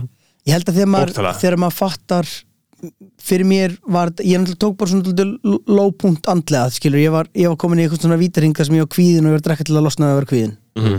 og, Já. og veist, þetta var, já, þetta var svona kom, komið í eitthvað svona smá hring Já, bara alltaf geta sopnað og bara alltaf geta slaka á Já, ég segi það ekki en þú veist, það, það var að fara að aukast verulega í vannlíðan milli fyllir Já, og hérna og ég, já, ég þurfti bara að taka sálum mig í gegn og ég, þú veist, fekk en þú varst ekkert fe- fe- Þú fegst ekkert eitthvað mega skýrt eitthvað rock bottom bara þessum þú þurftir að hætta og bara fara á snúruna eða var það svona hættur hefði persónu spurning sko. Nei, en þú veist, jú, minn rock bottom var bara það var ekkert eitthvað moment, Nei, skilur einmitt. það var bara, í alveg tala bara síðasta, síðasta glasi sem ég drakk var bara geðið eðlert glas Já, já, ég en þegar maður er búin að þjóstnast og vera að drekka ákveðið mikið í eitthvað ekstra langa tíma þá bara það er bara hva- hvar er dropin sem fyllir mælinn sko. Já, og hérna og ég, að því að, já, ég bara ég var alltaf ég var alltaf með hennan díalóg í hausnum bara ok, ekki núna þess helgi. Og síðan ger ég það skilur já, já, alltaf eiga þennan díalóg. Og þegar þú ert farin að svíkja lofórið Já. sjálfa þig svona endalust sko. Já. þá hugsa ég, ok, það ég ávið eitthvað vandamál að stríða. Mhm. Og ég þurfti bara að leita mér ráða sko. og hérna og gerði það sko og fekk hérna bara aðstof frá, frá, frá góðum félögum. Og, og í kjölfarið fór ég bara spákslega mikið í sjálfum mér. Og hérna ég byrjaði að fara til sálfræðings fór kafa bara í þú veist fór, fór hérna til svona fíkniráðgjá fór kafa í hérna bara af hverju ætli ég sæki í þetta? Þú veist, meira en veist, þeir sem að maður kallar normal eða veist, eðlilegir já, eða eitthvað. Þeir sem hefur ekki við fíkni vanda að stríða. Ég hef ekki við þennan tiltækna vanda að stríða Þetta er líklega einhver aðra bara. byrtingamyndi mín var bara veist, áfengi en hún hefði geta verið alls konar skilur, Já, hún hefði geta verið ofátt eða þú veist, vinnufíkn eða byrtingamynd uh, Mhm. hvað á maður að segja, tráma eða eitthvað alls konar dót sem fólk díla við getur verið alls konar. Og, og ég komst líka að því bara að alls konar dót sem að þér finnst kannski ekki vera alvarlegur hlutur getur haft bara brjálu áhrif á þig. Þú veist, tráma þarf ekki endilega að vera að þú varst barinn af fóreldriðinum ég sko. Það getur verið bara lítið moment þar sem að þú veist, þú komst heim með einhverja mynd og síndi mömmuðin og hún hafnaði og það bara trámisar trámisar, og hérna, þú veist, það eru alls konar byrtingam, byrtingamyndir en ég, já, kannski komin full mér í eitthvað. að því að mér finnst þetta líka sko það er náttúrulega líka breyting sem við tökum ekki eftir að því við erum náttúrulega svo uh, opnir karlmenn Mhm. uh, eftir allt sko þú veist að karlmenn geti talað um þetta shit sko Já. er náttúrulega Já, já. ekki eitthvað sem var gert hérna in back in the day sko. Með og ég, þú veist, ég mitt ég hef bara sótt í, í hóp góðra manna sem að geta setið saman og hérna og bara tjáð tilfinningar sína sko og, og tala um alls konar dót og einmitt, eh, veist, sama hvað við þykjumst vera komin framalega í að svona að kallmenn megi gráta og kallmenn megi tala um tilfinningar og alls konar dót þá samt bara fannst mér ógslag erfitt að fara fyrst til sálfræðings og það var ekki fyrir í fymta tíma sem að ég saði henni bara hvað var ángra mig og að, því að, að því mér fannst hugsunni mín var alltaf ég hef ekki lendi jafn miklu helli á einhver annar og þá á ég ekki að vera að væla yfir í einmitt. Þe- þetta var bara eitthvað sem ég hugsaði inn í haustum á mér skilur Já, já. og hérna ég bara vákvað ég, ég vildi óska þess ég vildi óska þess að það væri ekki bara upper middle class stemming að fara til sálfræðings. Ég vildi Já. óska þess að allir geti farið til sálfræðings og ég reyndar þekki ekki ég held að sé einhver lausni fyrir krakka að geta farið frítt Já, ekki? jú, það er eitthvað kannski samt bara eitthvað heilsugjast En, en, sko. en sko ég er að segja, þú veist, ef að það væri skýrt og ef að það væri auðvelt að fara ókipist sálfræðings þá myndum við vita það sko, en við finnum öll fyrir að það er einhver staður þar sem að þú byrjar einhvern veginn að fucking borga Já. og bara, bara ekki allir geta skilur, þú veist, það er, það er greiðslu barjér Já, já, það, sem er ógeðslega sorglegt dæmi. Já. og veist, ég er bara í þeirri brjálu forréttinda stöðu að, að geta sko farið til sálfræðings einu sinni í viku Mhm. og geri það, af því að þú veist, kannski mun ég minka það þegar mér líður aðeins betur en það er samt svo grillu pæling að fara bara til sálfræðings þegar líður illa maður Þú er átt að fara til að elda sko. Nú átt að fara til sálfræðings til þess að fyrirbyggja að þú þurfir að Já, fara til sálfræðings eins og við fyrir til sálfræðings Já, Einmitt. einmitt. já, já, einmitt, þetta er lifelong mission sko og síðan bara, þú veist, allir þessi pakki sko, ég, og mér, langar samt að taka fram að ég bara þú veist, þó að ég sé hættur að drekka og fara til sálfræðings þá er ég líka alveg umulega fokkin daga skilur Já. og upplifa alveg tilfinningar og, og allt þetta dæmi, ég er svo langt frá því að vera heilagur í einhverju dóti en mér er gaman að testa mig áfram í að bara sjá, þú veist, hvað reyfing skiptir mig miklu máli hvað hérna bara hérna, skiptir mig miklu máli mataræði. Að hérna, hvað það veist, bara eins og, eins og eh, eitthvað drast, bara CBD hafi slagandi áhrif á, á vöðvakerfið er þá hefur líka bara ókslega vond áhrif á því að borða skólajógurt, og hvað það getur haft andleg áhrif. Þó svo að það sé ekki Maður eitthvað verður að hætta að borða sigur sko Einhvern veginn, það er allir að tala um það núna. Já, bara, þetta er bara ég finna ef ég borðað mikinn sigur sem ég, ég er svona sigur fíkil sko, Ég líka. alveg detti bara svona og ég hugsa stundum, ég fæ mér, ég fæ mér einn móla og þá er ég bara, æ, hvað sem er fallin ég fæ mér bara ég líka. og síðan vaknaði daginn eftir og ég hugsa bara, vá, svona líður fólki með gikt örgulega, Já, af því ég bara veist, ég finn bara liðamótin og allt rastlega bara, Já. í, bara í hakki og húðin á mig ég fæ bara útbrot og viðbjóð já sko. bara skrítin áferð öllu bara. Og hérna, en ég held, já, emmitt ég, veist, hlúa að sér. Mér finnst það vera nýja ég, ég, mér finnst vera meiri vitundavakning fyrir því núna, kannski er ég komin á þann aldur, kannski er það bara stemmingin í, í kringum mann yfir höfuð. En þú veist, að testa sig áfram í að láta hluti, að gera hluti sem láta mann líða vel. Og Já, já. hérna og þú þurfir ekki það tók mig, mig ár að fatta eftir ég hætti að drekka að ég þarf ekki að fara nýr í bæ. Já, að því ég var alltaf að fara og neyða mig til að fara með fullri veringu fyrir öllu skemmtstöðunum og ég var alltaf veist, fara með vinum mínum á röngan og eitthvað sem dótt já, og bara veist, gott að blessa en síðan fattaði ég bara, já, mér langar bara miklu meira í sund. Já.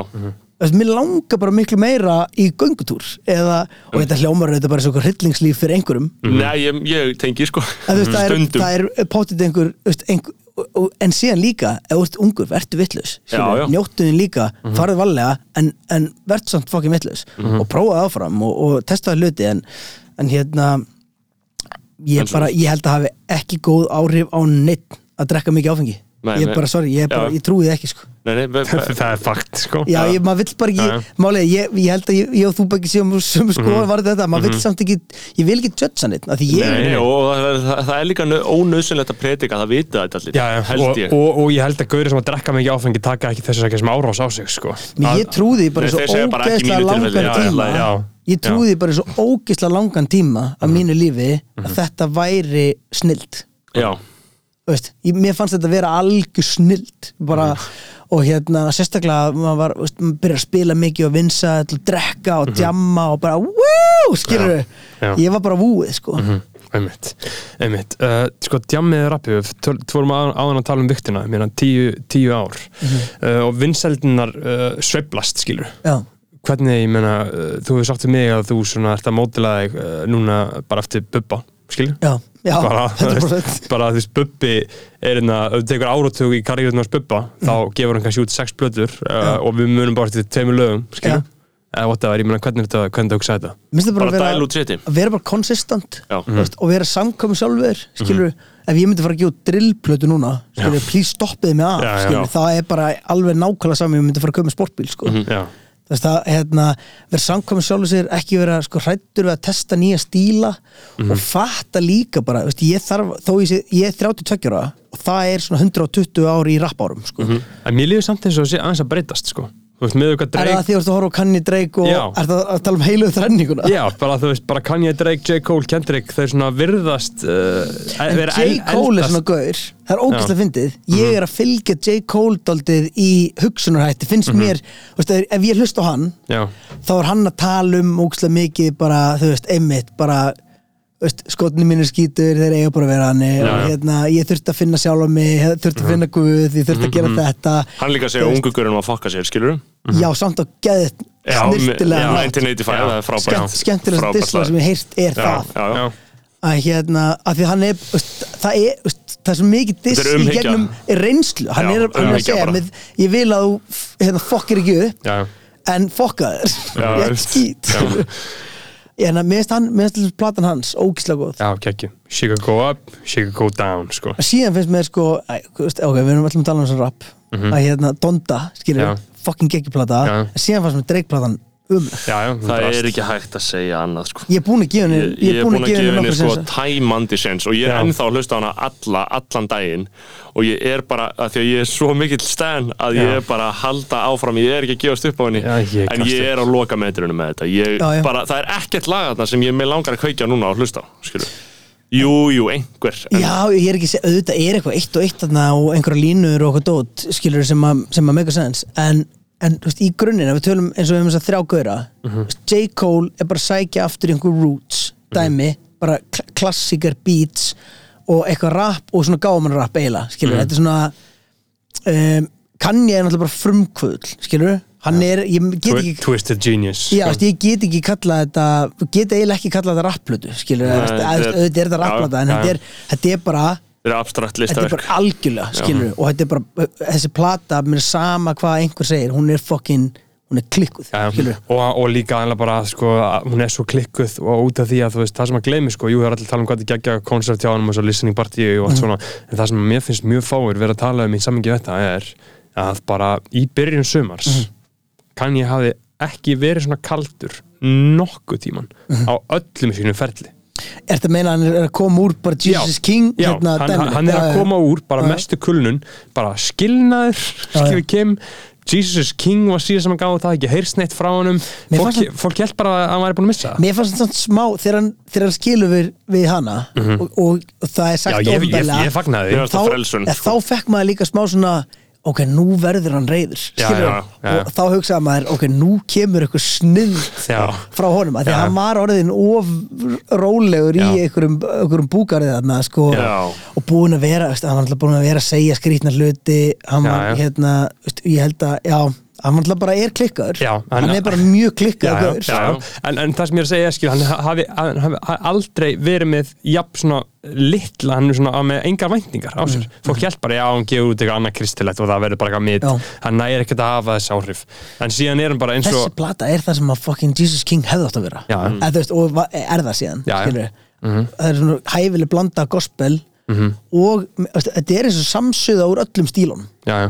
Eða eða svona eftir 1 og 1 Mhm. dæmi, skilur við að lítið fari, hann fer ekki alveg aftur í sko fyrstu tvær Nei, nei. Type of- Nei, valla. dæmi, eða veist svona já, hann er miklu meira hérna, veist, með fyrsta lagið, eða veist, ekki Dondachandi sem Jail, sem Mhm. Já. alltaf bara sturlað Já, já. lag, síðan fer hann strax í eitthvað Jesus stæl Já, já. já, já. dæmi síðan fer hann í, sko, ég er svona off the grid finnst mér smá Yeah. út, af, út, af, út af drillinu Já, en... finnst smá í töðunar á mér af því að mér finnst það vera smá eins og ég myndi gera drill Já. en það er það ekki Já, En, en, en, en- en sko- hann, hann alltaf ljáði því authenticity með því að fá Fifi og Foreign á það, sko. Uh, ef að Kanye væri bara sjálfur að rappa, sko, þá einhvern veginn En uh, sko- væri þetta annað, sko. en, en það sem er, er samt við epist. þessa pl- plötu er að mér finnst hún vera að vinna miklu meira ennþá á núna, þú veist, ég er ennþá Já. uppgöð að lög þar og allt í hennu bara að fatta bara, ok, þetta er eiginlega mistar að kæta lag og þá er ég bara aftur að hlusta það Já, núna. Ég- ég- þannig að dreigdæmið það er alveg tengt og búið, skilur já, já, ég ætla einmitt að koma inn á það smá að, hérna, en þú veist, svo kláraði hann Dondu mér finnst, mér, ég horfa á Dondu sem tvær svona chapter 1 og 2 og mér finnst það skiptast í Moon Mhm. mér finnst það, það er að fyrstu tíu lögin eða 11 lögin eitthvað og síðan kemur Moon og restin og síðan kötta ég líka aftur þegar part 2 dæmi kemur Já. að það sé bara svona auka Já, já, já. en það er bara, þetta er fann klikka en- en, Drake dæmið Já. finnst mér bara vera mér finnst það, veist, við erum að tala um J. Cole sem hann að gámanrappið kanni frumkvöldin Drake er bara grá, gráa fyrringast finnst mér, mér finnst hann vera að reyna að gera eitthvað aftur Já. skapa eitthvað dót sem hann er búinn að gera mér finnst hann vera að stela stílum eins og þegar hann fær 21 þá soundar hann bara eins og 21 skilur mhm. og hérna já, er við reyndum, ég, og ég man, ég satt, ég og Bjössi DJ og að hlusta á þessu plötu og við vorum báðið bara oh, akkur er þetta að gerast, akkur erum við byrjað að hata svona nettan gaur, akkur erum við byrjað akkur er hann farin að fara í töðunar okkur? Af því að hann hefur alltaf verið illaður, Já, skilur en það, það sem ég fattaði með Drake sko, burt sér frá þessar plötu sko, uh, ég var út í Noregi um helgina og var á klúb og þá fattaði ég bara, já ok, bara hér í við sem samfélagi manna þá hefur bara skapast sameileg áratuga þekking af því að væpa við einhver Drake-lög á dansskóli Mhm. já, já, það, það, það eru bara lög sem hann á sem hann bara allir samanast um það, já Já, við erum að þetta fíla var- þetta. Bara, Ég- bara Controlla, uh, One Dance Too Good, allt þetta Viewstótt allt þetta með Rjónu, það eru bara svona 50 lög sem finnst þið smá ekki eins og nýja platan sé smá búin að eiginleika stemminguna í gamlu lögunum? Nei, hún getur ekki, Nei, Ég- ég- en Hún getur sko, ekki? Það, það er bara ef þú ert sértækur áhuga maður eða, eða þú veist, af því að ég held að mm, fólki sem væpar þessi lög það er bara ekkert að pæla í sér nýju plötu Nei. nei, nei, nei, nei og síðan, síðan er annað og ef við tölum aftur um Bubba Mortens og mm líkjum Drake og Bubba Mortens saman sem er galin pæling er að þú getur ekki verið með artista sem gefur bara út góða, góða plötu. Nei, nei. og það er veist, það að maður hafa allir eitthvað að fara að dæma Drake eða dæma Kanye fyrir Ye-plötuna skilur að hún hafi ekki verið jafn mikið mestraverk og, og Twisted Fantasy eða eitthvað. Mhm. Eins og menn eigi ekki einhverja. Þú veist, Prince, huge fucking listamæður en þú veist, nef, nefndu mér aðra plötur en bara Purple Rain og, og Já, já. 1999 skilur bara eitthvað dót sem að er bara nú er eitthvað Prince fan Já, sem bara langar að, langar Ég að held segja að það eitthvað. sé engin prins fan að hlusta sko. er guess Við erum what, þú getur ekki neitt. Við erum mjög örugir En hérna, já, með Já. þetta ég held að, hérna, I don't know maður, heila það er einhver hvort maður sé orðin gamall, ég, þú veist, mér er eiginlega, sko, mist ógslega gaman að rappa, Mhm. en ég er ekkit upptekinn að ég að vera í fyrsta seti, Byrnir er í fyrsta seti, Já. bara besti rappar á landinu núna. Já, faktur það Tæ, tæknilega séð er, finnst mér Átni Hnitsmjör besti rapparinn, svona Mhm. skilllega séð, ef þú farir Já. eitthvað svona nördaskap, Já, en, þú veist, mér finnst Byrnir vera, þú veist, með fullri veringu fyrir hinnum, sko. Birnir er alveg viðbjóðslega góður hann er með allt einhvern veginn sko hann er hérna ókslega góði textar hann er með, hann er með, úst, hann er með stíl sem liðir að kopja skilur? Og hérna hann með ferska nálgun rödd, hvern- hvernig hann getur bæði nota röddina á einhvern svona geðvett skrítin söttul mjúkan hátt versus ógeðsla harðan hátt. Já, hann er bara með eitthvað, eitthvað eitt faktor fyrir mig allavega þú veist, að ég tengi að ég tengi ekkit endilega við allt nýtt rap sem kemur út sko. Nei, nei. en ég, sí, ég bara respekta það samt. Mm. ég, bara, veist, ég, bara, ég get ekki veist, á einhverjum tímapunkti uh, ég, eins og segir, ég er búin að rappa í 20 ár skilur Mhm. á einhverjum tímapunkti hætti ég að skilja hluti. Já, á einhverjum tímapunkti fer ég það er bara eðlumál verður samkvæmt bara. maður þarf bara að passa sig að verða ekki gaurinn sem maður sýnir ekki respekt sko. Já, og hérna, og einmitt þegar, eitthvað nýtt, eitthvað gaurar að senda mig lög skilur og þau sökka skilur Já. en ég samt bara, kannski verður þessi gaur næsti gaurinn, Já, skilur já. eða eitthvað. Menn geta alveg byrjað bröðsulega Reykjavík er fyrsta skilur. þetta, er var ekki þetta var engin snild fyrstu 8 árin sko. en, en sko, þú En það er gaman að þetta sé til og gaman að eiga þetta, það þarf, það þarf að varðveita þetta. já við vorum líka það, ég, hérna, vá, ég veit ekki hvort ég megi vera að tala um þetta ég ætla samt bara gera það það er verið að gera sko, heimildar þætti Já, ég er búin að fara í viðtal þú ert búin að fara Já, viðtal mm, um Íslands hip-hop sko. Og ég, þar voru, ég var fann sko sem að þú er enda að sé, ég setti hana á Instagram þannig að lauminu Mhm, Já. Instagram mitt. Já, já, einmitt. uh, fyrir vel, vel valda. Að þá setti ég sko, þar er ég að rappa 14 ára á giggi á menninganót með rastafari húu Já, og, Og þetta er til bara. og kona mín í krátinu það er epist það er geðveikt að þetta hafi óvart verið til Já. Já, og hérna, þetta er varveislan sko já, hversu margin en að horfa á þetta sko, það er svo það er síðan annar mál sko. Ég meina, ég er full trúið um að gera bara gegja uh, þætti um þetta allt, sko. Já, allavega að, að, að þetta sé varðveitt. Ég til dæmis held til dæmis að þættinni sem þú varst að gera þó að það, það hafi verið veist, á, á köplum margir þættinni algjörst nörda shit þarna ra- íslensku rap þættinir Mhm. Já, þetta er bara heimild þetta er bara heimild, mér finnst ég alveg tala að þú varst að taka eitthvað á þig Mhm. sem að einhver þurfti að fokkin taka á sig. Já, já. af því að e, e, hvað ef einn daginn veist, einhver er að spyrja á hvern- hvernig var þetta þarna? Og þetta sé ekki til neitt skilur Nei, það er ekki til neitt og- Þannig ertu bara með díteilað Já, fokkin ska- viðtal og- við hvern og einn artista Já. og saman myndar þetta einhvern hjúp af, algjörlega. af því hvað var í gangi. Það, það var alltaf pælingi hjá mér að búið til frum heimildina og síðan Já. kemur einhver og skrifa reitgerina, sko, á, á, á tímum líka samfélagsmeila þá höldum við að heimildavinna gerist að sjálfu sér sko. hún gerir það ekki sko. Það er ekki neitt að varðveitast. Þetta Nei, er alltaf hverfa frá okkur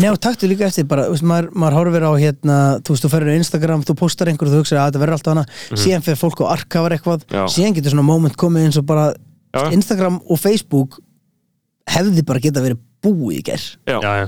ef, sér þetta bara hakkaður eða eitthvað skilur ef að bara, ég veist, eða bara eins og Twitter-akkántu minn. Ég minnst mjög ólíklegt að ég fá hann aftur. Já. af því að, veist, nema ég bara, ég veit það ekki var ekki hann að Haraldur Gaurin, er hann ekki eitthvað Twitter tengdur. Þú veist, hann var hann ekki að selja eitthvað fyrirtæki fyrir einhverjum miljardi væri, það ekki bara Hann flott næsta, næsta góðverk hjá honum? Jú. já, láta mig bara ef einhver, ef einhver mistaði kánti sin þá mun ég redda hann Já, en þú veist, en svona varðvisla og, þessi- og, og tími og allt svona uh, það er rosalega erfitt að sjá sérstaklega eins og með tónlist, tónlist skilur, þú veist, uh, plata eftir 20 ár, kannski verða sem er vinsæl í dag kannski verður að hlusta á hann til 20 ár uh, kannski ekki, ég veit til dæmis með rappþættinni sem ég gerði, ég tók 50 þætti shit, og tók viðtal við bara rosa vinsæla og bara gegja rappara og eitthvað. En þú veist það sem að einhvern veginn sko risti fannst mér dýpst í samfélagi var viðtal við angæfi guðuna. En þú veist ég hef aldrei fengið jafn svona einhvern veginn svona djúb viðbröð við því skilur, af því að já, það, já, það voru bara samband. Já, fólk var að hafa saman bara gaur, wow, bara, þú veist. Já. Bara stjáni og seppi, að þetta er bara svona gauðra sem eru svona algjörlega svona algjörlega ristir inn í svona undergroundið einhvern veginn og allir sem að fíluður upp á þínum tíma þarna 2002-2003 ég elska að koma guðuna Já, þú veist, skilur, það það er guðli dregin skilur, Já. og síðan fá að vinna með honum og, og hérna, og, og rest in peace á hann skilur, mhm. að hérna þetta var svona, ég held að fólk þó svo að kannski böndin hafi ekki verið eitthvað hjúts á íslenska mælikvarða þá mótaði þetta okkur. Já, veist, ég væri ekki dán ákvæmum guðana Þetta skiptir allt máli. Og hérna, já, eitt, eitt, eitt af öðru sko. Og alveg eins og þú veist ég tek ekki kredit fyrir feril annara en þú veist þetta er bara dóminu, skilur Já, já, þetta er bara já. ítir Þú í að stað og að bara já, drrr, og þú veist, og já, og- við, veist, við fengum fordæmi að gera eitthvað og þetta verið hægt. Þetta er alveg svo, það trúði enginn að það gæti verið íslenskur snjóbreyttagur pró, það var ekki hægt. Mhm. enginn trúði því, síðan verða það haldur að eikja og þá allt í einu ertu komið hópa einhverjum akurreiringum sem er bara, Goons bara. ei, gaur við getum alveg gert þetta líka. Já, það þarf alltaf bara einhver einn að brjóta svona, einhvern svona barriér sko, til þess að til þess að hinir fái svona vonar glætu. Mhm.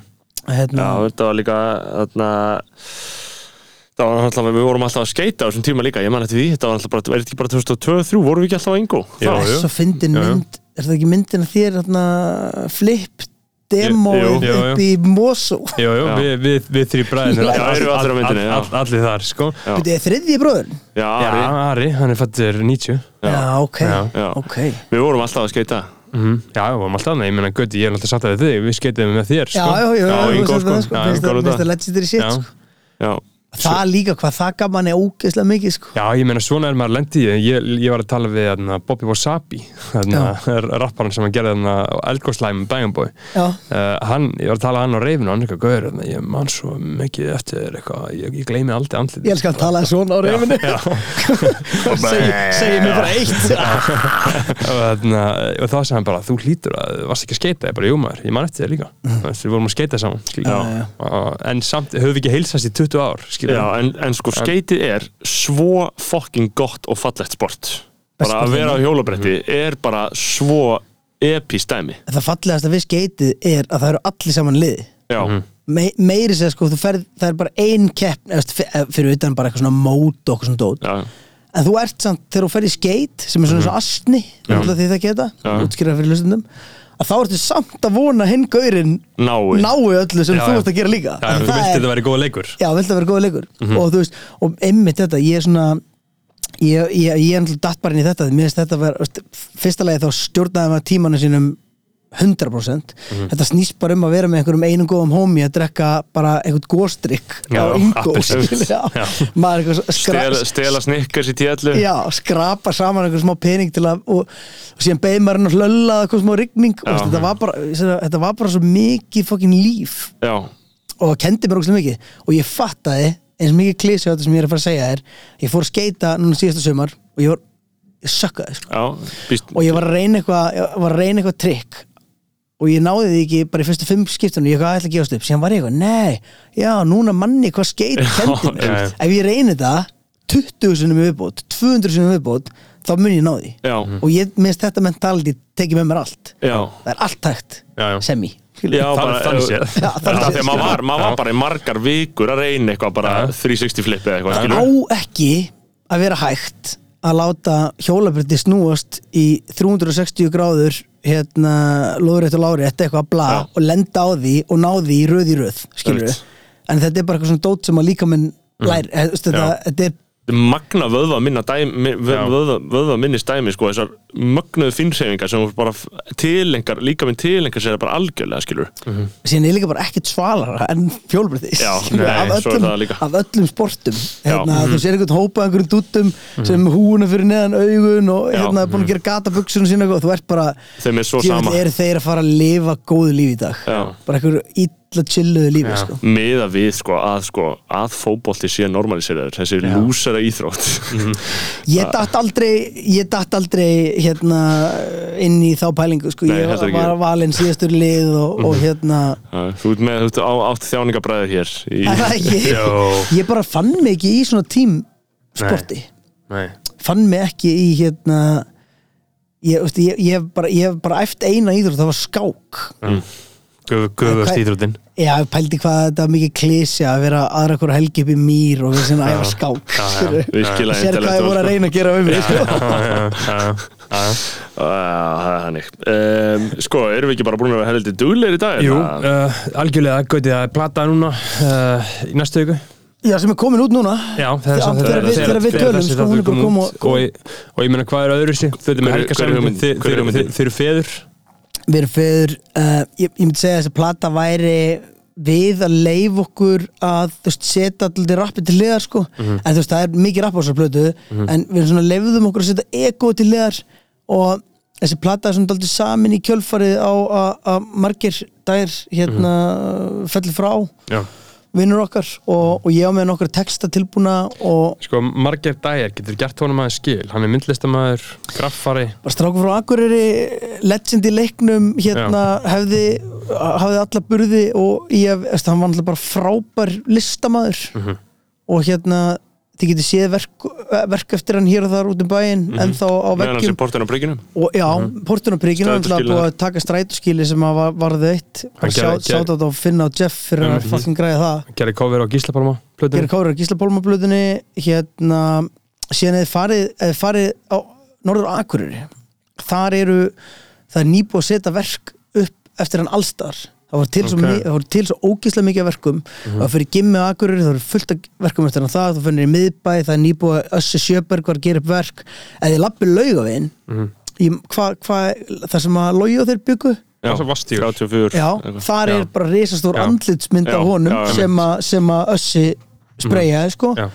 Og Gulli Dregin aðeins neðar þetta, er bara, þetta var bara einn af þetta var bara einn af gaurunum og ég held að tengingin hafi verið bara upprunnilega veist, í gegnum rapp og, og prikið og, og eitthvað svoleiðis stótt sko. Og fun fact, hann átti upprunnilega að gera Vakku coverið. Já, það er bara, nice.